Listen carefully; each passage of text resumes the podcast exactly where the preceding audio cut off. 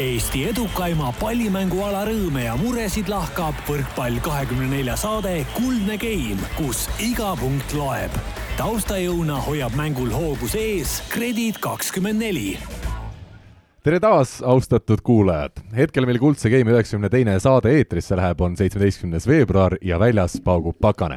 aga Manta Maja stuudios on valmis paukuma jälle meie nelik või õigemini kolm pluss üks tiim, sest võrkpallimaailmas on üks nädal ehk seitse päeva ehk sada kuuskümmend kaheksa tundi ehk kümme tuhat kaheksakümmend minutit ehk kuussada neli tuhat kaheksasada sekundit viimasest saatest möödunud.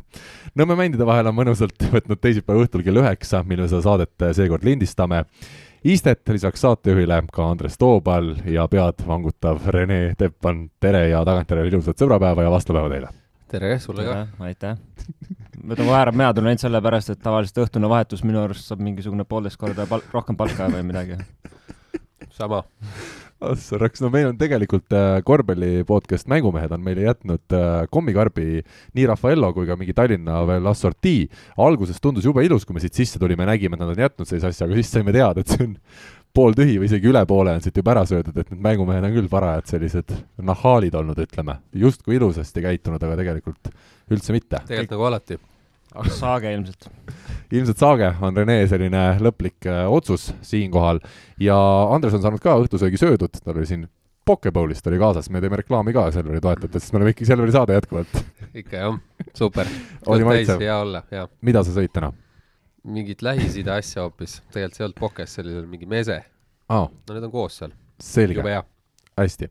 ja kaugelt-kaugelt, seal, kus paistab päike ja Venemaa paremad poisid mängivad parasjagu vollet, on meil liinil kõigi pärnakate hea sõber, treenerlitsentssita Vannabi treener, heledapäin Rivo Vesik tere, Rivo! tere õhtust! sul on nii madal hääl täna, kas see on tingitud kuidagi Araabia kohalolust no,? ma, ma, ei ole, ma olen täna väga palju rääkinud juba päev otsa. kell on palju, õhtu, õhtune aeg. jaa, me ütleme, Rivo on meid siis võõrustamas täna Äh, Dubaist ja seal on kell juba õhtul üksteist ja tavaliselt on Rivo selleks ajaks teki all, kas vastab tõele? Äh, põhimõtteliselt küll jah, tegelikult ma tavaliselt magan sellel ajal jah aga vot. ilma naljata, ma ei tee üldse nalja, mul on režiim, Karl, mul on režiim, ma olen pool seitse hommikul üleval ja kell üksteist lähen magama. mis nüüd saab siis, sest täna meil ilmselt saade jaoks, kestab ju paar tundi. Teie jaoks, kallid sõbrad, teie jaoks, kallid sõbrad, kallid võrkpallihuvilised ja muidu spordihuvilised ma teen erandi ja ma olen täna pikemalt üleval. mis saab homme, mis saab homme, seda, seda me ei tea. mis saab homme hommikul, mis saab homme, et homsest me ei tea seda, aga ma võtan selle riski. nende heade inimeste pärast äh, lased sa vormil kannatada ja venelaste vormil kannatada. no aga vaata, ega Venemaal ongi, Rivo Venem.... kõikide venelaste, kõikide venelaste aga Venemaal ongi ju nii, et ega kunagi ei tea, mis homne päev toob, et siin tulebki võtta päev korraga, ma arvan. jah, ja Venemaal on ju ka kell veel vähem tegelikult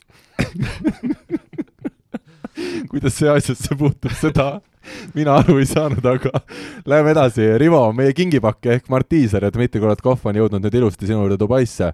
kuidas meie kahe kingitusega seni rahule oled jäänud? Äh, ma nüüd kaks trenni on nad meiega koos teinud. ja tagasi ei ole nagu saatnud? ka teised. ei noh, tänase treeni alguses, täna nad siis olid selle maailmameistritega, Olegi ja Slavaga. Äh, Olegi ja Slavaga trennis ja siis äh, enne trenni algust ma Tiimale ikka ütlesin, et kuule, et Tiima, et noh, Tiimal on esimene selline välislaager tegelikult koos nagu ikkagi tippvõistkondadega, on ju ja siis ma ütlesin Tiimale, et vaata, et sa siis siin trennis väga midagi võtta ei pane, et siit saadetakse üsna kiiresti minema ja, ja homme enam ei võeta no ja läks... aga, aga ei noh, näha, näha on, et vaat siin kergelt tuuline ka, et näha on, et need omavahelist mänguklappi neil veel ei ole väga. ja, ja natuke see väljas mängimine tahab harjumist, et noh, näiteks lätlased samamoodi. lätlased Plavin Stoks, kes, kes küll treenisid nüüd viimased kuu aega väljas nad olid Egiptuses, aga nad ütlesid, et Egiptuses oli null tuult, üldse ei olnud tuult. ja nad on siin kaks trenni, kaks, kaks esimest päeva ikka üsna hädas olnud hmm.. see on täiesti normaalne. selge, kas, kui nüüd juhtub nii, et Oleg ja Slava saavad pähe Tiimalt ja, ja Mardilt trennis, kas siis lõpetate selle koos treenimise ära ja, ja hakkate ükshaaval eraldi kõik treenima, et ei ole siis mingit sõprust enam või? No kui, kui nii, kui nii peaks juhtuma, siis, siis ma arvan, et Olegil ja Slaaval seisab ees üks pikem jutuajamine meiega. trenni me teeme ikka koos edasi, tugevatega on hea trenni teha, aga, aga neil seisab ees pikem jutuajamine.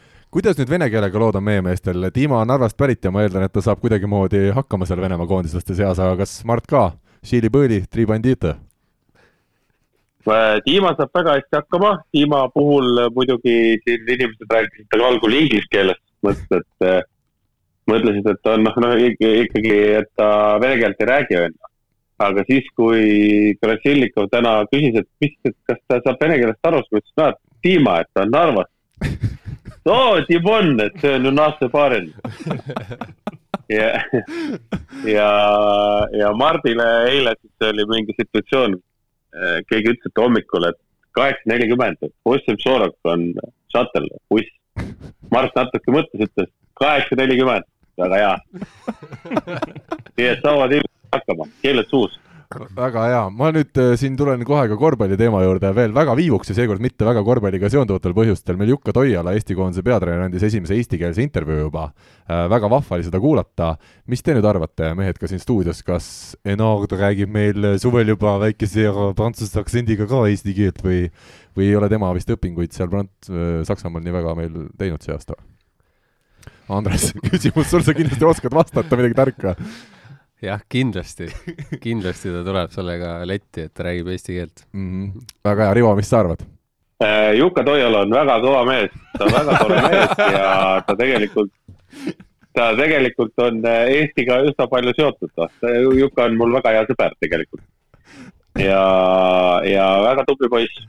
aga Enard ei tule eesti keeles midagi ütlema. kuidas sa võid nii öelda, kuidas sa võid nii öelda, sul ei ole üldse usku. ja mul ei ole üldse usku, et ta on õppinud eesti keele ära seal, kus ta iganes praegu on, Saksamaal jah jaa, Saksamaal. mm. -hmm. ma ei usu, et seal Saksamaal väga eesti keelt õpitakse. sellel, selles osas oleme sinuga ilmselt samal arvamusel. siia sissejuhatuseks üks kiire teema. Facebooki võrkpalligrupis anti siis möödunud nädalal teada, et Põltsamaa võrkpalliklubi otsib endale ma ei tea, miks mehed juba naerma hakkasid, uusi mängijaid ja, ja annaks ka siin saates siis sellele toredale ettevõtmisele hoogu ja soovitaks äh, ka meie kuulajatele, et kel vähegi võimalus, järgmine aasta esiliiga ootab. no tubli, et sa seda tegid, sest ma natuke lugesin seda jah, et vaene, vaene üle, või selle postitaja, kes tahtis väga ausat informatsiooni saada, et kes oleks nõus mängima ja siis tulid mingid mehed, kes lihtsalt solkisid päevast päeva seda, seda kommentaariumit, et no kui me vaatame, mis nimed seal läbi käisid, Jürimaa, Pupart, Eermaa, Vahter, sealt saab, noh, see on ikkagi esiliiga kulla pretendent, kui need mehed ikka kohale tulevad. Ja Vesik, Rivo tahtis ka ennast üles anda, Rivo, kuidas sul nüüd on, kas on juba esimesed läbirääkimised Põltsamaa klubi juhiga tehtud? no kuulge, vaadake, mis nimed seal veel olid, seal on äh, Boobus ja, ja Argo Arak ja selle, selle klubi eelarve peab ikkagi ulatuma miljonitesse. et need mehed kõik kokku osta, aga ma, ma teeksin oma enda poolt teeks üleskutse, et kõik, absoluutselt kõik, kõik kandideerige, saatke oma CV ja kõik kandideerige.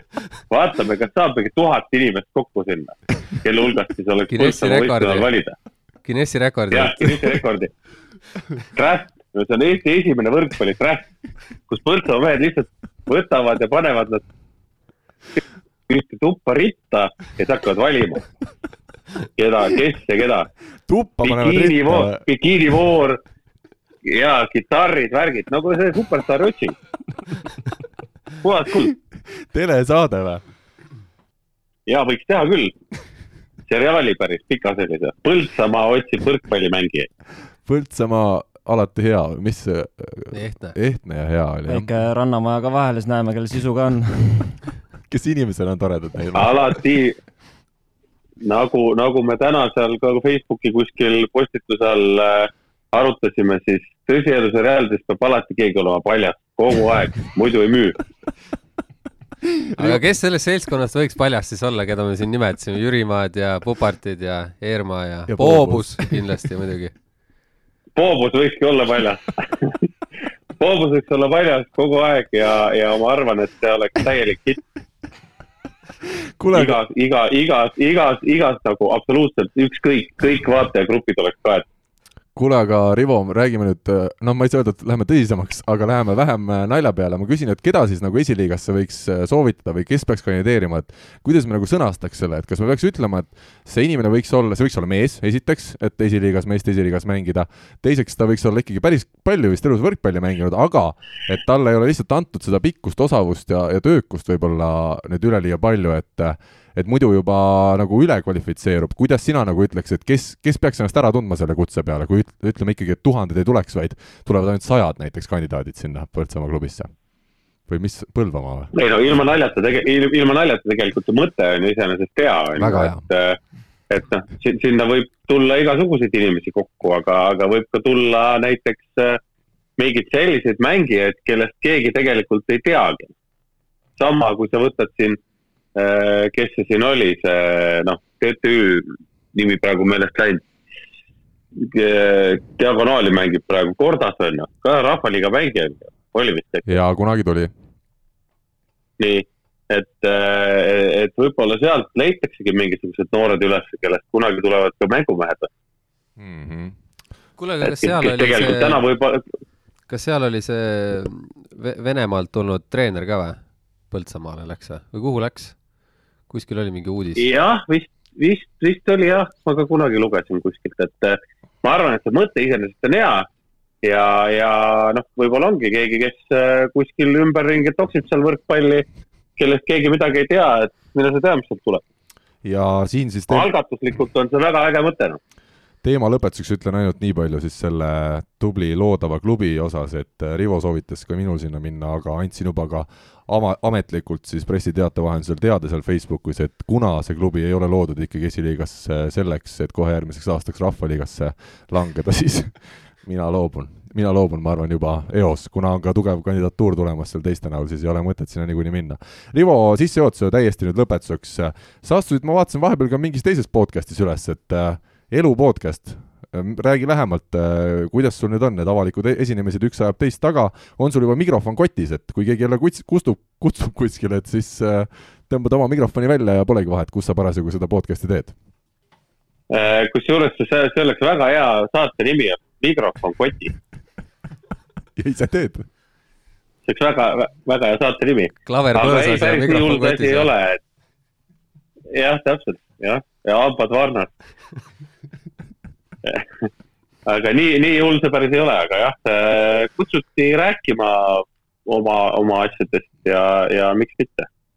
et äh, see podcast oli, oli, oli päris, äh, või mitte, mitte ei olnud päris äge, vaid ta oli hästi mõnusa siukse flow'ga podcast, et äh, tasub kindlasti kuulata. tänu sinule oli siis hea flow'ga või millele sa tahad vihjata?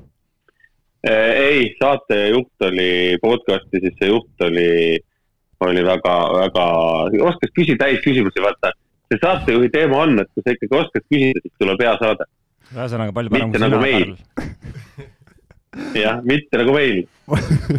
Meil on, meil on nüüd viimasel ajal on läinud nii, et me Karliga räägime ja siis Selveri mehed teevad trenni.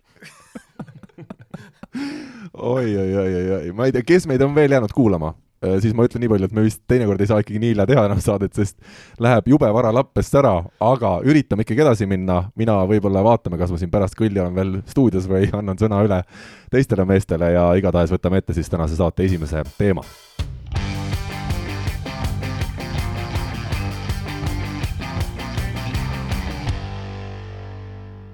nädala keskses kohtumises alistas Tartu Bigbank Kredit kakskümmend neli Eesti meistrivõistluste vaheringis kohtu-, kohtumises kodus kolm-üks Saaremaa VK ja ikka päris kindlalt. see peab ju olema see ja ikka päris kindlalt. Siim Põlluäär väänas hüppeliigese välja ja tema asemel mängis diagonaalis Märt Tammearu, aga mängus, mängu täht oli ikkagi Albert Hurt kelle koostöö Gert Toobaliga on puhas nauding vaadata. nii, see on nüüd minu, see on väga naljakas. see on minu sissejuhatav tekstis sellele teisele rubriigile, me Aga... vaatasime, kuidas Andres seal välja tuleks ja sulle ei, ei sobi kohe miski? ei sobi jah, see kuidagi ei olnud voolav, voolav laused oh,, laused üldse. et seda ei pidanud sõna-sõnalt maha lugema, asja mõte tuli edastada kuulajatele sa ütlesid, loe maha Rene, mis me räägime, kas sa Tartu ja Saaremaa mängu nägid ja millised järeldused sul on äh, sellest mängust? Väga episoodiliselt mingeid numbreid äh, nägin, ütlen numbrite põhjal nagu olin natuke üllatunud, sest äh, Tartu näiliselt võitis üsna kindlalt. Äh, samas, kui vaadata numbreid, siis siis jah, Tammearu sai palju tööd ja tõi ka ikkagi punktid nagu selles mõttes koju, aga ega see rünnakuprotsent ju teab mis imeline nagu ei olnud ja, ja teadupärast ta ikkagi on nurgaründaja ja ütleme, kui vaadata tema skautingut teha või midagi, siis sa näed ka, et see pealeminek sealt ikkagi kahe-ühe pealt on noh, ikkagi niisugune kaootiline ja noh, ikkagi ta ei ole oma igapäevases nii-öelda rütmis seal, et ja, ja, ja Stefan Kaibalt ka ilmselt tegi oma töö vastuvõtul kaitses ja blokkis ära, aga, aga rünnakul ka ikkagi selles mõttes, kui ma ei eksi, ta oli seal, oli ka seal kuskil neljakümne kandis midagi, et, et et pigem tundub, et Saaremaa ise, ise vist ikkagi ei, noh, raske on nüüd öelda, et nad on nii teistsugust nägu kui, kui varem, et, et raske öelda, kas nad ei teinud oma ära või lihtsalt hetkel ongi tase võib-olla natuke langenud, et uh, uus sidemängija vajab harjumist uh,. Keit Pupart ilmselgelt rohkem ründavamas rollis, iseenesest numbriliselt teeb seda üsna edukalt. Rauno Tamme üritab ennast leida, noh, pulk, pulk teeb selles mõttes oma, oma ära, aga, aga alati sellest ei piisa ju, et uh, et jaa, selles mõttes ma arvan, Tartu oli kerge favoriit ja, ja kodus nad, nad ka võitsid selle mängu, aga, aga jah, raske, raske selles mõttes järelduse teha, et tahaks ise ka mõlemaga ära mängida ja siis saab parema pildi ette. no Pulk ja Pupart ka ikka seda meeskonda vedasid selles mängus äh, pulgalt kakskümmend punkti pluss üheksa, Pupartilt seitseteist punkti pluss kaksteist, aga ikkagi jah, see kogu värk nagu ei lahjaks sedasi kõrvalt vaadates minu jaoks, kes ma nüüd päris nüanssideni ei kindlasti jaganud lahti, kes kus plokis oli ja miks oli. Äh, kui me võtame selle sidemängija Despotovski, kes nüüd siis asendab meil Duši ja Volanskit, äh, ma saan aru, et kogenud mees, mänginud erinevates äh, üsna korralikes klubides, aga noh, tõstet võib-olla te oskate paremini hinnata, aga kõik see muu, näiteks Dušil oli ju tugev kaitsemäng, seda minu arust Despotovskil ei ole plokk on mõlemal, Dušil oli ka, ei olnud midagi head, kuna oli lühike, aga Despotovskil ka midagi head väga ei ole, et äh, mul jääb mulje, et Duši korras on ikka grammi võrra kehvem praegu. täitsa võimalik, et äh, Duši juurde tagasi tulles korraks, ütleme, see plokk tegelikult on tal enam-vähem, et äh, tal on kogu aeg see probleem olnud, et noh, nagu ikka lühikestel sidemängijatel, et kardetakse, et lüüakse üle ja hakatakse seal mingit kõrgust otsima, et et juba Innsbrucki aegadel oli sama teema, et kui, kui ta suutis neid käsi lihtsalt hoida ja, ja ütleme, lasi ründajal siis nii-öelda keerutada seal, siis tegelikult ta oli tihtipeale suurim plokitooja, et nii, et jah. tegelikult jah, kui ta, kui ta tegi oma asja seal, siis, siis ei olnud teda tegelikult väga lihtne ära kasutada, samamoodi ju meie omagi mängus ju, ega Orav mingi mäng minu arust oli täitsa seal selles mõttes, noh, läkski, läkski üle duši üritama, üritama, üritama, ei tulnud, ei tulnud, ei tulnud, et aga noh, ütleme sealt läbi selle, kui, kui kui sul on lühike sidemängija ja keskblokeerija ka teab, et, et nagunii sealt üritatakse, siis tihtipeale jääb just see diagonaalisuund täiesti vabaks, et, et, et ja, ja kaitses nagunii dubleeritakse tihtipeale, et pannakse sinna diagonaal nagunii on ühe peal ja kuus liigub veel sammu ka veel paremale, ehk siis nagu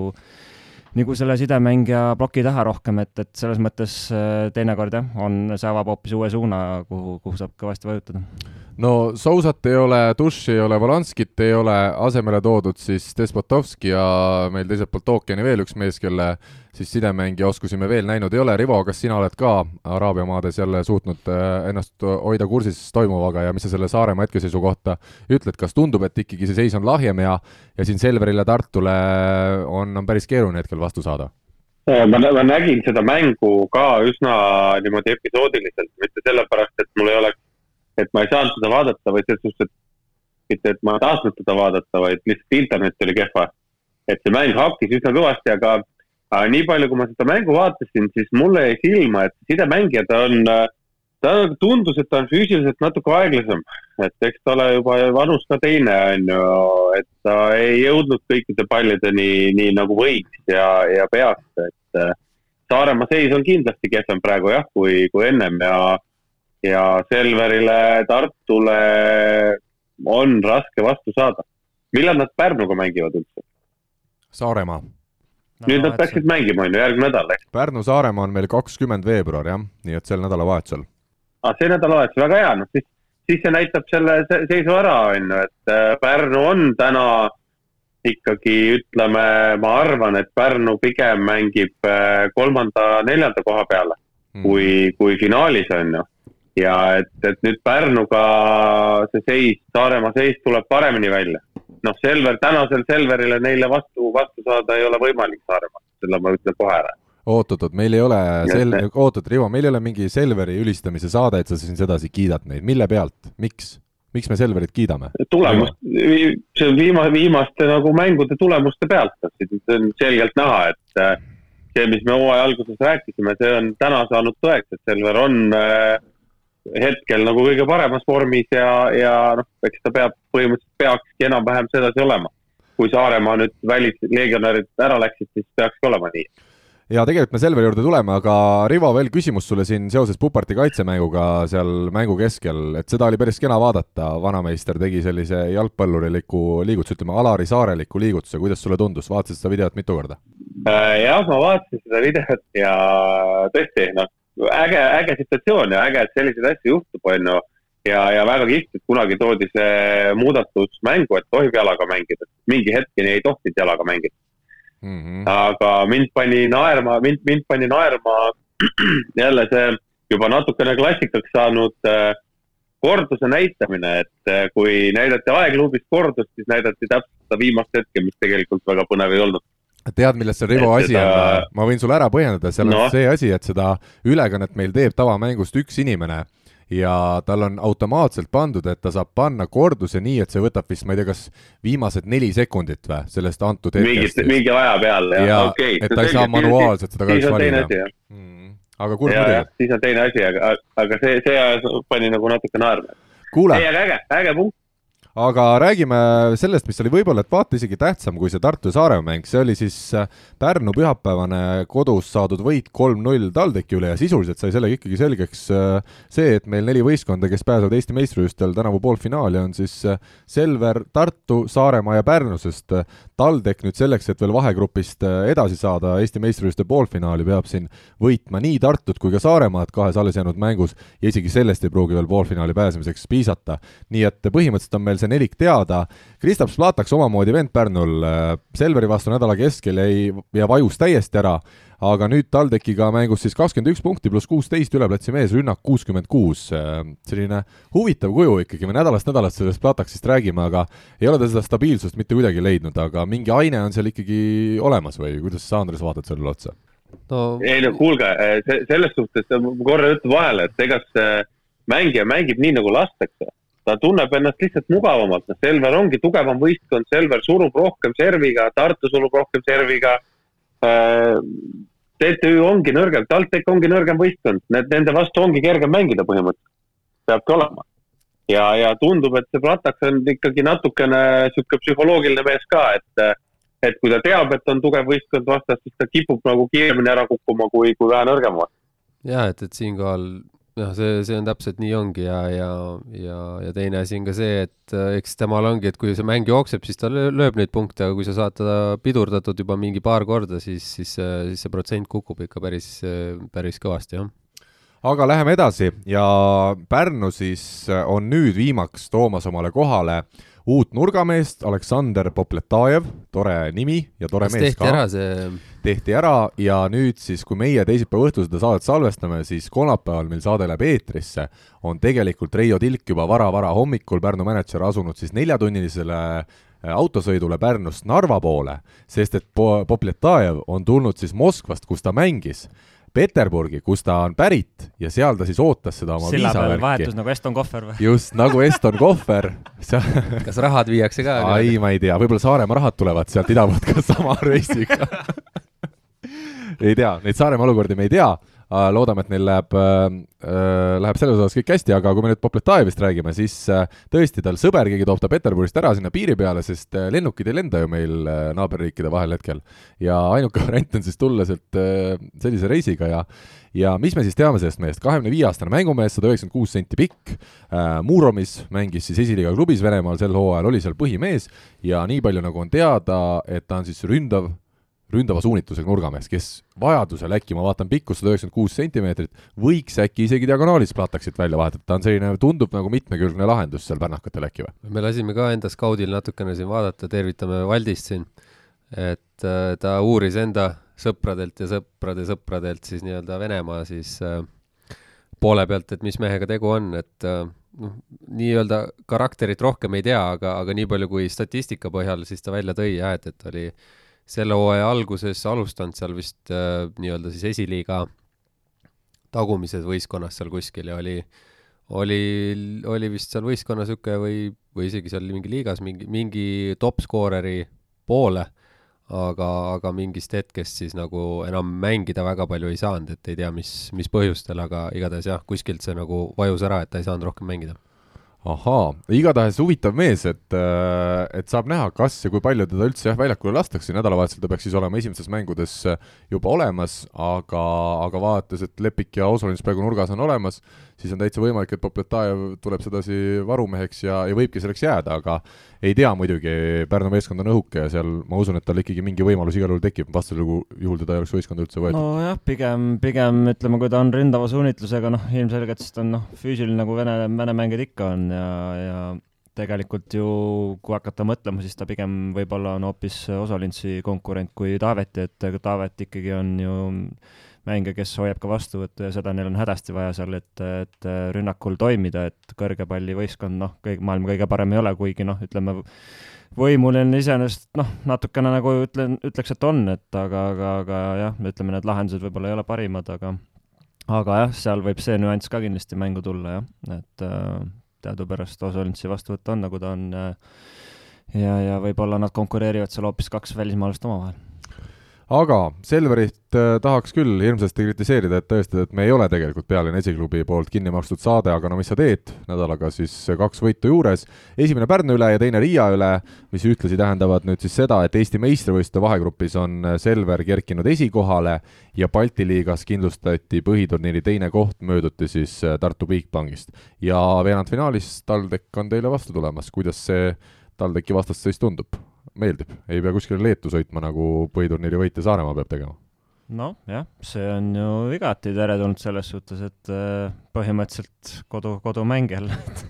Aga kuidas on, kas võiks teha täitsa nii, et äh, lähetegi Tondilt sinna bussi peale ja nii no, võtate ette, nagu läheks ei, Leetu, et ei, lähed sinna TalTechi spordihoonesse, mis on, teete vahepeal söögipeatuse, WC-peatuse, mingi ööbimine kuskil Mustamäel ja siis TalTechi spordihoonesse, ei Rene. ärme hakka üldse sellest rääkima. Rene tahtis ära minna. Rivo, äkki päästad mind, kas sina teeksid treenerina sellise vahe, vahe nagu, vahe sellised peatused, kui sa läheksid Tondilt sinna Mustamäele äh, seda mängu mängima?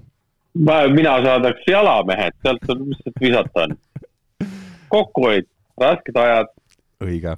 igaüks läheb ise. hästi. kuidas nüüd, kuidas nüüd Selveris lood on, teil on siin vahepeal olnud ülekoormusi meestel, kõhuviiruseid, lähikontaktseid, kas täna te treenite täiskoosseisus või? jah, me selles mõttes jube hea loend oli, et tohutult nagu oleks mingite, ma ei tea, abivajajatega, et siin kõik asjad on puudu. ei, me lähme omas nii-öelda tempos edasi ja eks neid pisikesi asju ikka ole kogu aeg ja, ja, ja kellel mis väiksed hädad, aga, aga sellest nagu see on igal võistkonnal nii, ega siin tasu keerutada kogu aeg, et mis on häda, et pigem tuleb nende asjadega, mis, mis on, tuleb kogu aeg võidelda ja meil praegult on, on mehed on olemas, jah. kõik on olemas? jah. no ega mis seal on, ega selles mõttes ju loogiline ka, kui, kui oleme ju tööd teinud selle nimel, et meil oleks seda sisu ja nagu paksust nii-öelda võistkonnal, et noh, saime, saime, mis siin salata, selle mängumootori mingil hetkel käima, on ju, ja, ja, ja ütleme, et kõik, kõik nagu selles mõttes saavad aru eh, mängujoonisest ja, ja ideedest, et, et siis ongi selles mõttes, ütleme, lihtne, et äh, lihtsam, et äh, kui, kui mingid mängijad ümberringi vahetuvad, et meil on vahetunud päris palju need koosseisud siin tegelikult mängudes, et aga tulemus selles mõttes on ikkagi olnud positiivne, et siis, siis võibki nagu seda, seda teha, et ega ega need mehed, kes on mänginud üle pika aja ka, ega nemad ju on oma võimalused väga hästi ära kasutanud, et selles mõttes tegelikult on isegi mingisugused põnevad momendid tekkinud, et ei teagi, keda nüüd nagu kasutada, et et Elger ja Hääle üle on näiteks väga-väga hea meel, et ma selles mõttes teadsin, teadsin pikka aega juba, et ta on valmis head mängu tegema ja seda ta näitas trennis ja, ja nii edasi, et tal on omad teatud kindlad plussid äh, ka oma konkurentide ees äh, klubi siseses võitluses, et äh, see selles mõttes ei olnud mitte mingisugune üllatus, et, et jällegi üks, üks mees juures, kellega saab arvestada tulevikus aga kui sa selle peale viitasid, jah, Marks oli täna esimest päeva trennis ka, nii et teisipäeval siis nii-öelda. selge.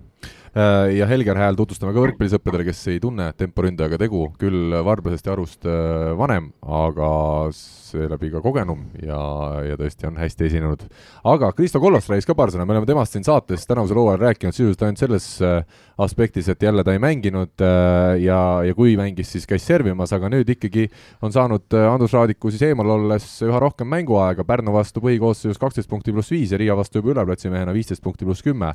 kuidas nüüd Kollo seis tundub? tundub, on ta oma mängurütmi leidnud ja on ta heas vormis? jaa, ta on kindlasti oma rütmi leidnud ja, ja, ja võib-olla ka oma sellise vähe loogilisema enda mängu siis saanud käima, et kui ta vahepeal tõesti siin oli alguses natuke probleeme sellega, et tahtis võib-olla rohkem rünnata ja, ja võttis seda, seda poolt enda kanda ja, ja võib-olla tekkis palju vigu, aga no eks see oli olude sunnil ka see. jaa, ei oligi, et ega, ega ta tundis, et, et ta oli platsil see, et kõige vanem mees pidi nagu neid vägesid juhatama ja kui sa räägid hooaja algust, eks, kui Teppanit ja Radikut ei olnud veel, jah? just, et ja, ja kui keegi väga ei skoorinud ka, siis siis eks ta tundiski, et ta peab nüüd hakkama seda, seda poolt ise vedama, et et ähm, aga praegult on tal jah, kui kõrval oli äh, Orav ka, kes oli veel tegelikult äh, kümne, selle Riia vastu veel oli hetk äh, selline, kus Oraval oli kümnest tõstest üheksa ära löödud, noh, kuigi me tegime siin nalja, et pooled olid ületuleva, ületulevad, mis löödud, aga aga siis ta ei pea seda, seda koormat kandma, vaid talle saab nüüd küll normaalselt tõsta, aga aga ta ei lähe kõiki punktiks lööma, vaid ta teebki väga tarkasid otsuseid ja ja, ja et ta on ennast väga hästi tõestanud praegu. Rivo, sul vana baarimees ikkagi, Kollo, räägi, mis sa arvad nüüd, äh, Raadik on meil siis kaptenina viimastest mängudest äh, kõrval olnud, selles suhtes, et põhikoosseisus on olnud nurkadest äh, Kollo ja Orav. kuidas siin otsustavas faasis need asjad hakkavad käima, mis sa ennustad, kes siis platsil on?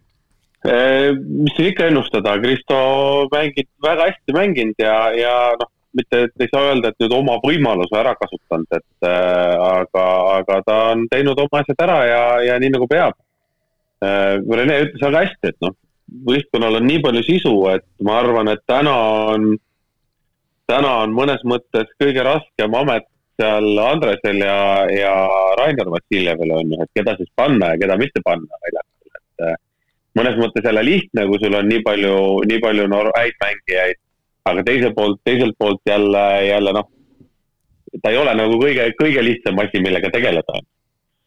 No.. aga ma arvan, et Raadik ikkagi tuleb, et siis Raadik, Raadik nagu alustab, äh, kuule, see on nii raske küsimus, Karl, kell on palju jaa, ma saan aru, aga panegi pea juba vaikselt äh, padja peale, puhka sellest küsimusest ja, ja ma jätan väikse pausi, kuni ma järgmise küsimuse sulle esitan. Andres, väga lühidalt, kuidas on siis, on teil treeneritena Raineriga enne igat mängu tõsine omavaheline arutelu, keda seekord platsile panna või päris nii keeruline see nüüd ei ole? ta nüüd nii keeruline ei ole, et eks see, see tuleb nagu suhteliselt, kui on, kui on sellised äh, momendid, kus, kus on nagu valiku äh, peab nagu mingit valikut tegema, siis pigem ikkagi tuleb äh, suhteliselt viimasel hetkel, kui on nagu kõik trennid ära tehtud ja, ja natukene võib-olla rohkem ka teada, mis, mismoodi vastane võiks käituda ja, ja vastavalt sellele siis lahendatud. Ja eks äh, noh, nüüd on ka näha olnud, et eks, et on saanud siin teistele meestele ka anda nagu võimalust, et ei ole, et ei, mingit niisugust äh, nädalate viisi peamurdmist ei saagi tekkida, et see, see saab olema jah, nagu niisugune viimasel hetkel see otsus ja, ja nii ta on milline treener Rainer Vassiljev on, kas ta annab, kas te arutate koos need asjad läbi või tema on ikkagi peatreener, tema lihtsalt ütleb sulle, et kuule, ma otsustasin ära, täna meil mängivad need mehed. Nii. Oh, siit tuleb ei, ei, mina, mina ise otsustan, mina ütlen. Ei no loomulikult, eks Rainer võib-olla, tal on mingid omad mõtted ja eks ta vahepeal võib-olla äh, mitte ei testi, aga küsib mingeid asju, mis mina nagu mõtlen ja kas, kas meil lähevad nii-öelda vaated ühte, ühte, ühte suunda või mitte, et ja, ja, ja kui näiteks ei lähegi, siis, siis siis ta võib-olla põhjendab mingeid asju, mis, mis tema mõtleb, siis, siis tegelikult päris tihti on need väga, väga õiged asjad olnud ja ja ega me jah, selles mõttes seal käib niisugune, niisugune väike arutelu ja, ja, ja noh, loomulikult tema äh, tema plaan on see esimene, on ju, ja, ja, ja eks ta lihtsalt nagu jagab minuga seda ja kui, kui me päris, päris nagu ei ühti, siis, siis me mõtleme midagi, midagi veel nagu või, või arutame pikemalt sellel teemal, aga aga üldjuhul väga siin mingeid niisuguseid äh, väga-väga siukseid ristumisi ei ole olnud, et ma ei tea, üks arvab ühtemoodi või teine teistmoodi ja, ja kui isegi arvaks, siis selge on see, et Rainer, Rainer on see, kes otsustab. ja Renele ka siia Selveri teema lõpetuseks üks äh, veidi keerulisem küsimus, millal viimati teine diagonaalründaja Mihkel Nuut sind trennis üle mängis? On see igapäevane? Rene muigab, ma pean edasi ütlema Rene emotsioone, sest kuulaja ei tea, millised on Rene emotsioonid, kui ta küsimust kuuleb metsakohin, meil on juba tuttav sinu esituses.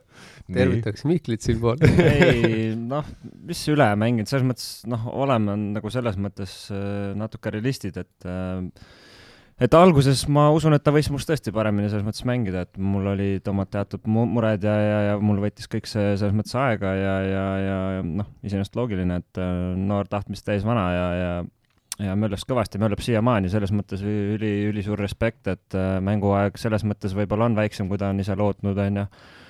aga samas ta ei ole nagu grammigi nagu järele andnud, et, äh, et noh, eks me, eks me selles mõttes mina ise ka üritan talle ju anda nii palju nii-öelda näpunäiteid kui võimalik, et ilmselgelt tal on hästi palju uut infot see aasta ja, ja, ja tal on vaja mängijaks selles mõttes veel kujuneda ja ja just äh, mängutarkus ja kõik see, et millal, mis lahendused ja nii edasi, et äh, et äh, eks, eks neid erroreid tuleb endiselt ette, enamasti peas, et äh, et aga, aga noh, ma ütlen, et kui ta saaks selle, ütleme, mänguaja sinna taha, ma usun, et ta on kindlasti sammu või kaks isegi edasi läinud, et et selles mõttes äh, jah, ma ei hakkakski võrdlema, et äh, kõige lihtsam vastus on see, et me ei tee statistikat, ma ei tea. väga hea äh,. ja nüüd siis, kui me räägime Eestis toimuvatest võrkpallimängudest ja liigadest, siis paslik on ära mainida hetkel ka ikkagi naiste meistriliiga, kuigi arusaadavatel põhjustel me oleme ikkagi keskendunud siin saates ka meie meeste kohaliku liiga tegemistele. naiste meistriliigas on nüüd siis seis selline, et TalTech Tradehouse kindlustas juba ammu põhiturniiri võidu, Tartu Ülikool Bigbank on meil põhiturniiril teise koha kindlustanud ja Audentes on samuti pool poolfinaali koha taganud, aga pole veel selge, kas nad lõpetavad siis põhiturniiri kolmanda või neljandana. Ja kolmas kuni viies koht on viimase mängu eel siis veel lahtine. Ja viimases mängus kohtub Famila Võru ehk Raivo Jeenase hoolealused kodus. Tallinna Ülikooli ehk Sten Esna ja Laos Lukase hoolealustega, et selgitada välja, kes siis jääb ainsana naiste meistriliigas tänavu poolfinaalist välja ja, ja lõpetab hooaja viienda kohaga. Ja Võru käes on kõik äh, trumbid, äh, sest neil on koos kaheksa punkti, TLÜ-l aga kuus punkti, nii et TLÜ vajab siit siis viimasest voorust kolm-null või kolm-üks võitu, aga Audentes vaatab samuti huviga, kuidas see mäng lõpeb, sest kui nüüd Audentes peaks jääma kolmandale kohale püsima, siis nad suudaks vältida poolfinaalis TalTechi, kes on meil ikkagi tänavusel hooajal ainus kulla favoriit, nii et tasub võrkpallisõppedel hoida ikkagi ka naiste meistriliigal silma peal. kui palju punkte oli Audentesel? üheksa mm. -hmm. nii et jah, seal on põnevad seisud. kas see, kas see kas see on kindel nüüd, et, et äh, vahegruppi ei mängita? sest mina tean mingit infot, et siin, äh, siin vahepeal käis mingi jutt, et tahetakse teha samamoodi nagu meestel, et tahetakse üks vahegruppi, vahegrupp veel teha. Et minna samamoodi peale.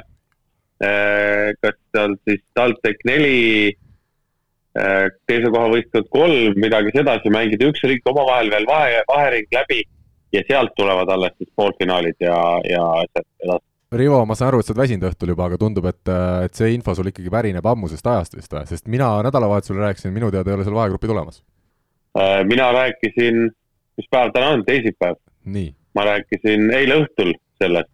Ossa, no Jeesus, meil praegu see uuriv ajakirjanik. ei ole veel, et äh, selles suhtes rääkisin eile õhtul või, või, või üleeile õhtul, ma ei mäletagi ja, ja vähemalt see mõte on välja käidud, et teha vahegrupp ja ma sain aru, et äh, meistriliiga treenerid nüüd siis peaks otsustama seda, mis ja kuidas äh, tuleb. no vot siis. tore oleks, tore oleks, kui tuleks selles mõttes, et äh, muidu ikkagi üks võistkond väga kiirelt lõpetab selle hooaja ja, ja selleks oleks kahju, jah. Ja ma, mina olen jumala nõus, minu, minu arust oleks hoopis parem mõte kui see, et mängida nüüd poolfinaalid mingi viie või tähendab viiest mängust on ju kolme võiduni ja siis finaal mängida kolme võiduni, noh et see on ilmselgelt ühe võistkonnaga liiga palju mängimist ja see üks võistkond, kes siis välja jääb, ta tõesti noh, ta lõpetabki oma hooaja ära põhimõtteliselt veebruaris ei no nagu Kataris teeme, et vahegrupp on eraldi karika nime all, nagu Olkul on äh, Kataris on noh, joh ei tea, kui palju neid asju. iga mäng üks karikas. Olkul, Olkul ongi iga mäng põhimõtteliselt karikas kuule, aga saab šampust sisse kallata kogu aeg, jah? kuule, aga see on nüüd küll see koht, kus mina saan vabandada, et mina, minu jaoks on nädalavahetuse info ikkagi oli see, et äh, ka näiteks Võrkpalliliidu pressiteat, mitte pressiteates, vaid seal kodulehel oli kirjutatud see seis, nagu mina ette lugesin, et äh, see viies naiskond jääb meil poolfinaalist välja. saab siis näha, kas siin viimasel hetkel tehakse mingid muudatused, hoiame me kätt pulsil, aga, aga nagu me näeme, väliskorrespondent äh, Rivo Vesik on meil ikkagi naiste võrkpalli spetsialist ja teab kõiki asju üksikasjalikult, nii et äh, aitäh sulle, Rivo, selle eest, meie aga võtame ette siin täna saate järgmise teema. jaa, meil siin metsas teavad kõik, et kõik see parem on ikka Eestimaal. aga ega see tähenda, et vahepeal muud maailma ei tohiks käia avastamas. karumets hoiab metsas asjad korras, et meie võrkpallisaadikud võiksid rahus käia meid esindamas laias ilmas no nii, ja kui me räägime eestlastest välismaal, siis ikkagi Timo Tammemaa Timo Tammemaa nimi on meil äh, kõigil huulil ja kõrvus, sest Timo mängib hästi. Rezovia meeskond, kus siis lisaks Timole ka Robert Täht meil jätkuvalt mängimas on, sai jagu siin viimase nädala jooksul Savjertsest ja Lubini Kuprumist. ja Tammemaa esimeses mängus neliteist punkti pluss kolmteist, teises kümme punkti pluss kaheksa, tabelis Rezovia on juba kerkinud neljandaks, meeskond, kes siis ütleme, viis, viis aastat tagasi kuulus Euroopa ja maailma absoluutsesse tippu, on nüüd viimaks nagu vaikselt-vaikselt kerkimas sinna päris tippu tasa tagasi, Rivo köhatab, ta, kui on koroona läbi elanud inimene, siis ta vahel köhatabki lihtsalt, aga Rene, kuidas sina nüüd Rezovia seda hetkeseisu hindad? no ütleme, et äh, lõpuks saab teistsugust juttu rääkida, et äh, asjad toimivad, ütleks nii siis. Äh, vahepealsed tervisemured ja mis iganes on, tundub seljatatud, järjest mehed laekuvad trenni tagasi ja, ja ütleme, need mehed, kes, kes on seda koormat nii-öelda kandnud, need, need on natukene abi juurde saanud võib-olla siis, et et äh, jaa, Timo, Timo on äh, sõiduvees ja seda on, seda on hea näha. Äh, tundub, et, tundub, et ka on ka rohkem rünnakul tööd saanud kui, kui varasemates mängudes ja, ja on oma kiht, kohta, vabandust, kindlalt nagu selles mõttes kinnitanud seal väljakul, et et serv ja plokk ja rünnak ja kõik nagu selles mõttes toimib ja, ja ei ole põhjust teda nagu välja vahetada. teisest küljest nurgaründajad on seal tagasi laekunud, et et äh, Seršen on tagasi ja on väljakul ja tegutseb päris hästi juba. Pušek on nagunii terve. aga noh, ilmselgelt äh, võistkond ikkagi ootas vähe ründavamaid kujusid nii-öelda tagasi, mitte et Pušek oleks halvasti vahepeal mänginud, tõesti mängis hästi oma koha välja ja, ja, ja Parodi on tagasi, et äh, ja nüüd Robbie ka, et selles mõttes noh, nüüd on see olukord käes, kus on üle mehi, jah? kus on mehi üle ja, ja, ja noh, Robiga paar sõna arutasime ka, et et äh, eks tal on natuke segased ajad seal selles mõttes, et äh, ütleme, neli meest iseenesest on nagu olemas, nüüd on tema ka tagasi, et, et äh, noh, et siin lähiajal selgub, mis, mis nagu selles mõttes saab, et ei, ma olen veendunud, et ta, ta leiab oma nii-öelda tee jälle seal üles, selles ma ei, selles ma ei kahtlegi, et et ta toodi sinna ikkagi mängima ja selles mõttes ta oodatakse ära ja, ja antakse rahulikult aega, et et selles mõttes äh, survet kui sellist ma usun, et tal ei ole, et võistkond ju toimib ja võistkond võidab ja, ja ja, ja noh, Rezovia iseenesest on niisugune kõva serviga meeskond ja seda nad on ka näidanud, et ütleme, kui seal see vastane isegi tiksub kakskümmend, kakskümmend, et siis tihtipeale minnakse oma teed just servi näol, et et kindlasti väga-väga raske vastane, ütleme, kõigile. isegi miks mitte üle kogu maailma jällegi, et võib-olla jah, ütleme, nad ei ole ikkagi see võistkond, mis, mis siin hiilgeaegadel, aga, aga samas, samas neil on kõvasti sisu, ma arvan, et, et võib-olla Saksa võistkond neile liiga hästi ei sobi mängustiililt, aga ülejäänutega nad madistavad rahulikult, ma usun, et siin homme, kui ma ei eksi, ongi kodus äh, Saksa vastu karika veerandfinaal, et see saab loodetavasti väga kõva madin nii-öelda olema, et äh, kõigil peaks olema, ütleme, kõik relvad äh, laetud ja, ja, ja valmis, valmis tuld andma. jah, loosis väga ei vedanud siis vist, minu arust see loositi välja, aga täna kolmapäeval, mil see saade eetrisse läheb kell kakskümmend üks kolmkümmend, mängib siis Rezovia Saksaga, praeguse ikkagi Poola liiga valitsejaga seda veerandfinaalmängu.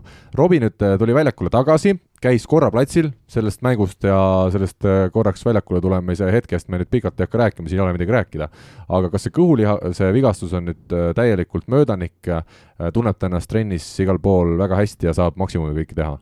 jaa, tal on, tal on hästi, et äh, hetkel, hetkel vist nurisemiseks põhjust nagu ei ole ja, ja tegutseb vist julgelt ja, ja selles mõttes aja küsimus jälle, et et kartis natuke oma füüsilise vormi pärast, aga tuli välja, et sellel pole ka häda midagi, nii et, et anname, anname natukene selles mõttes aega ja ja ma usun, et ta on kindlasti väga vajalik jällegi pusletükk sinna võistkonda, et milline see roll täpselt olema saab seal hooaja lõpufaasis, noh, raske veel ennustada võib-olla, aga, aga aga kindlasti tahtmine on tal suurem kui kõigil teistel kokku seal võib-olla juba, et, et mees ei jõua ära oodata, kuni saaks lõpuks lammutama minna. aga ega see nüüd kerge ei ole, selles suhtes, et põhiturniiril, kui ma ei eksi, kas vist oli kaks mängu põhjooaja lõpuni, karikavõistlustel juba on tähtsad mängud kõik käes, play-off hakkab pihta, et ega siin treeneril Alberto Giulianil ka väga seda kohta enam ei ole, kus vaatame nüüd, et mida Tähtplatsil ka teha suudab, et siin võib juhtuda nii, et minnakse nende meestega, kes on hooaja lõpuni välja ja Robbie ei saagi eriti mängida Äh, seda ma ei karda otseselt. pigem ma arvan, et jaa, sellega ma olen võib-olla nõus, et äh, katsetamise aeg on möödas.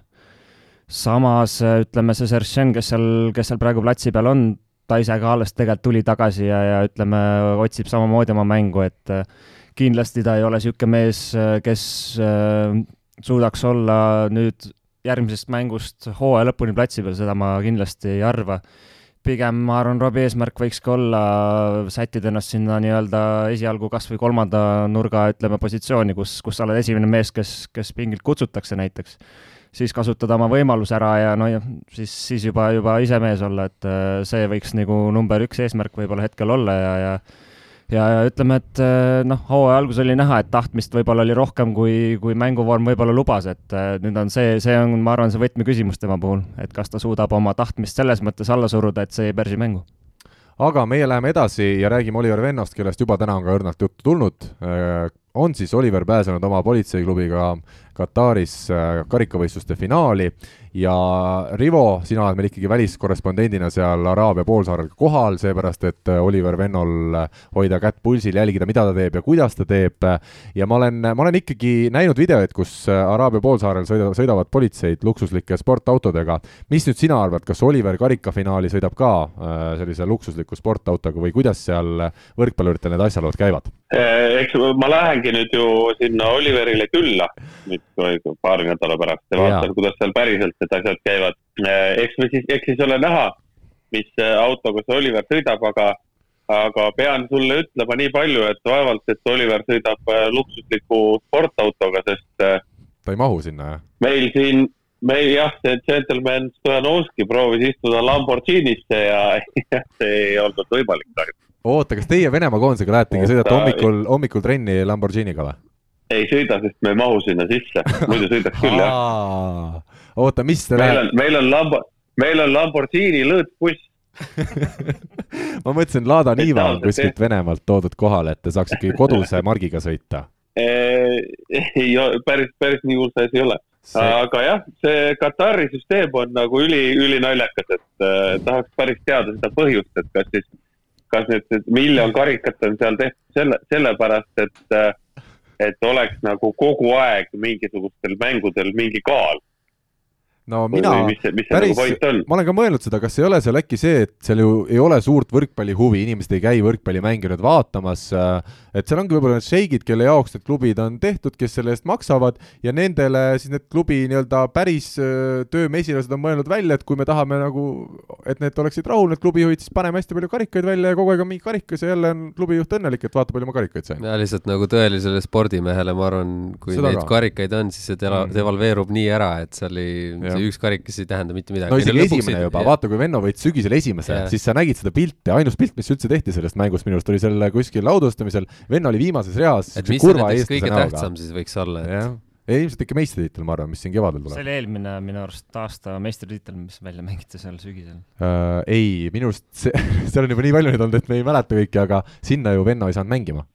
minu arust see, mille Venno esimesena võitis, see oli ikkagi see, kus ta ise juba mängis ka aga see selleks, me ei jõua kõiki neid karikaid läbi võtta, sest siin on nädalas ikkagi seitse karikat äh, mängitakse välja ja ja me ei, me ei ole päris äh, selle Katari aga, aga ütleme nii palju küll tõsist juttu ka, et äh, ta on selles mõttes päris tublit pannud seal, et noh, punkte ta toob nagunii ja nii edasi, aga, aga ma mingisuguseid, kusjuures enam-vähem isegi pildiga saab tegelikult kätte täitsa mängud. videomänge saab, jaa, videos on. ja, ja, ja, et päris hea kvaliteediga ja, ja ütleme, Olku selles mõttes video on äh, kogu aeg nagu ütleme valvel seal, et ta ei võta kuidagi, mulle tundub, üle jala neid mänge seal ja ja paneb, paneb nii-öelda täiega, et noh, selles mõttes äh, respekt ja, ja targasti tegutseb, et see on selline riik, kus äh, ma ei tea, šeigil hakkab meeldima, siis võib kõike juhtuda finantsiliselt, nii et mine sullu tea vaatama aga ega see on ka, et kui meil räägiti enne hooaja algust, et venna hakkab nüüd saama Kataris jube palju neid tõsteid ja jube väsitav on see hooaeg, siis kokkuvõttes mulle tundub, et ta ei ole nii palju tõsteid saanud juba puhtalt ka paljuski seepärast, et paljud mängud lõpevad kolm-null,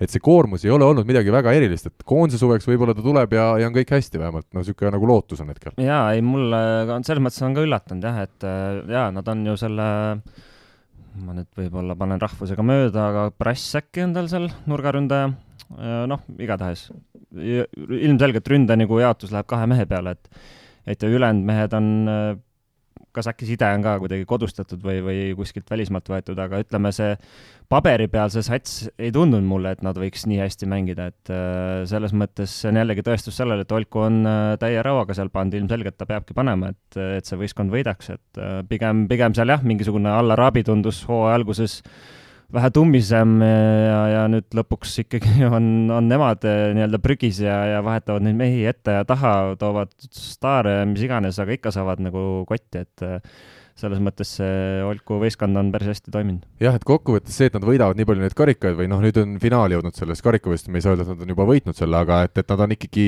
oma asjad ära teinud selle erinevast paarist teisest klubist, kellelt need šeigid ootasid samamoodi kuldmedaleid vist, jah ja,? aga veel tähtis sündmus. ütleme, ütleme siis või ütleme siis äh, sellele Alla Arabi võistkonnale, kellest praegu Rene rääkis, et kes siis hooaja alguses tundus niisugune kõige tugevam võistkond, et äh, siit äh, minu, minu poolt siis siit Dubaist ja teie poolt ma usun, et te ühinete minuga Tallinnast, et Al Arabi mehed, et ärge muretsege, umbes nelikümmend kaks karikat on see aasta veel välja mängida, nii et veel jõuate jah, ja eestlased välismaal rubriigi siis lõpetuseks tähtis sõnum. Kevin Saar on nüüd papasaar, palju õnne talle isaks saamise puhul palju õnne! palju õnne! aplaus ka.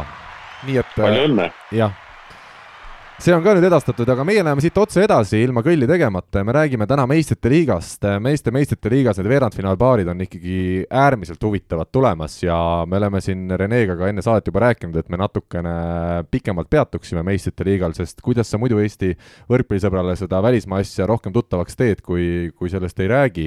ja, ja meie siis üritame viga parandada ja seekord rääkida. esimene paar, Belhatovi Skra ja Kaasani Zeniit et äh, kaks ikkagi läbi aastate suurt klubi omavahel vastamisi minemas äh, ja Belhatov sai siis A-alagrupis äh, teise Poola klubi Saksa järel teise koha, plussliigas on hetkel Belhatov kuuendal kohal ja meeskonna peatreener Rene, kui ma nüüd ei eksi, kolmekümne viie aastane Michal Gogol, kes on ühtlasi Poola koondise abitreener, et päris huvitav võistkond, kas sa näed seal Kaasani seniidi vastu võimalust ka? sinu endine koduklubi, ma ütlen ka selle veel ära jah, et äh, seal on ka naljakad ajad nagu olnud siin vahepeal, et äh, mõlemal võistkonnal tegelikult Kaastanil ka, aga sinna jõuame veel.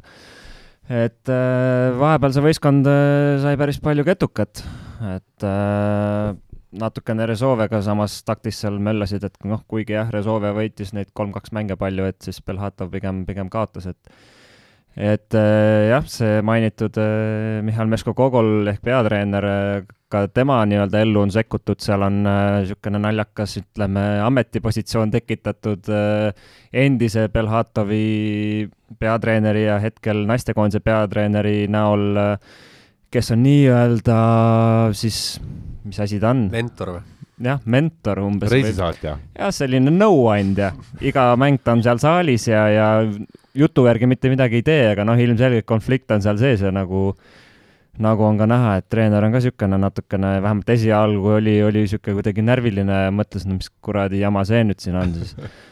et äh, jaa, Belhatov selles mõttes on oma mängu parandanud selgelt ja seal on üks kindel põhjus. Äh, Milan Katic, serblane, on ära koristatud platsi pealt, kes iseenesest äh, üldjuhul on päris hästi tegutsenud kolmanda nurgaründaja positsioonil aga olude sunnil ta pidi mängima täismänge väga-väga-väga-väga palju, kuna, kuna põhiründaja Taylor Sander tuli õlavigastusest välja ja nüüd ta on, nüüd ta on seda teinud ja ütleme, mängupilt muutus ja meeskond muutus enesekindlamaks.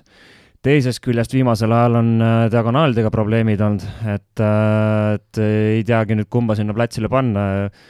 üks hakib rohkem kui teine natukene, selles mõttes, et äh, keeruline kaasani Zenit samamoodi, seal on omad tülid ja löömad olnud hooaja sees, nad said siin kõvasti ketukat, harjumus päratult äh, samamoodi nagu CSKA saab Kossus praegu, et äh, ma ütlen vahele lihtsalt ära, et nemad võtsid C-alagrupis maksimaalselt kuus võitu, kaheksateist punkti ja Venemaal on nad hetkel siis liigas kolmandal kohal. jaa, aga räägime nüüd äh, selles suhtes, et kui seniit on kolmas, siis on esiteks halb Venemaal.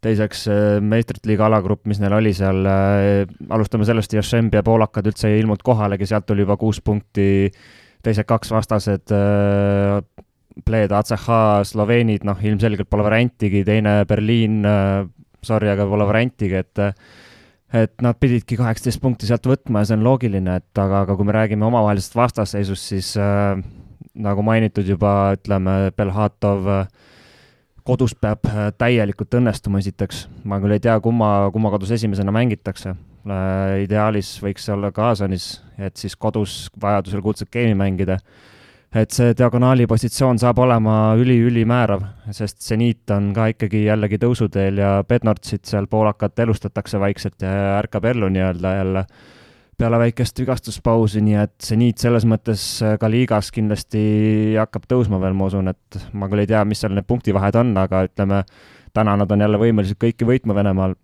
Ja, ja, ja ütleme, seniit äh, hooaja alguses tundus mulle ikkagi, et on jälle tagasi tipus nii-öelda Belhatov siis mängib esimese mängu kodus ja ma ütlen nii palju siia ära ka, et veerandfinaalide siis avamängud peetakse järgmise nädala keskel ja kordusmängud ülejärgmise nädala keskel, ehk siis mingit mulli enam ei ole, üritatakse mängida tavapärase süsteemiga, nii nagu me oleme varasematest aastatest äh, harjunud. ma ütlen nii palju veel ka jätkuvalt, et tutvustada natuke neid klubisid äh, meie võrkpallisõppedele, Vladimir Alekno, kuulus mees, kes nüüd siis peaks olema vist Iraani koondise peatreener. ja on..., ja lõpetab ära ka siis seniidis peale seda hooaega, et no vot, tema on siis peatreener, äh, Maksim Mihhailov, Ervin Nkapet, Aleksandr Volkov, neil kuulsad nimesid seal meeskonnas jagub, nii et äh, Kaasani seniit on ikkagi jätkuvalt, ma julgen öelda, väga-väga hästi komplekteeritud.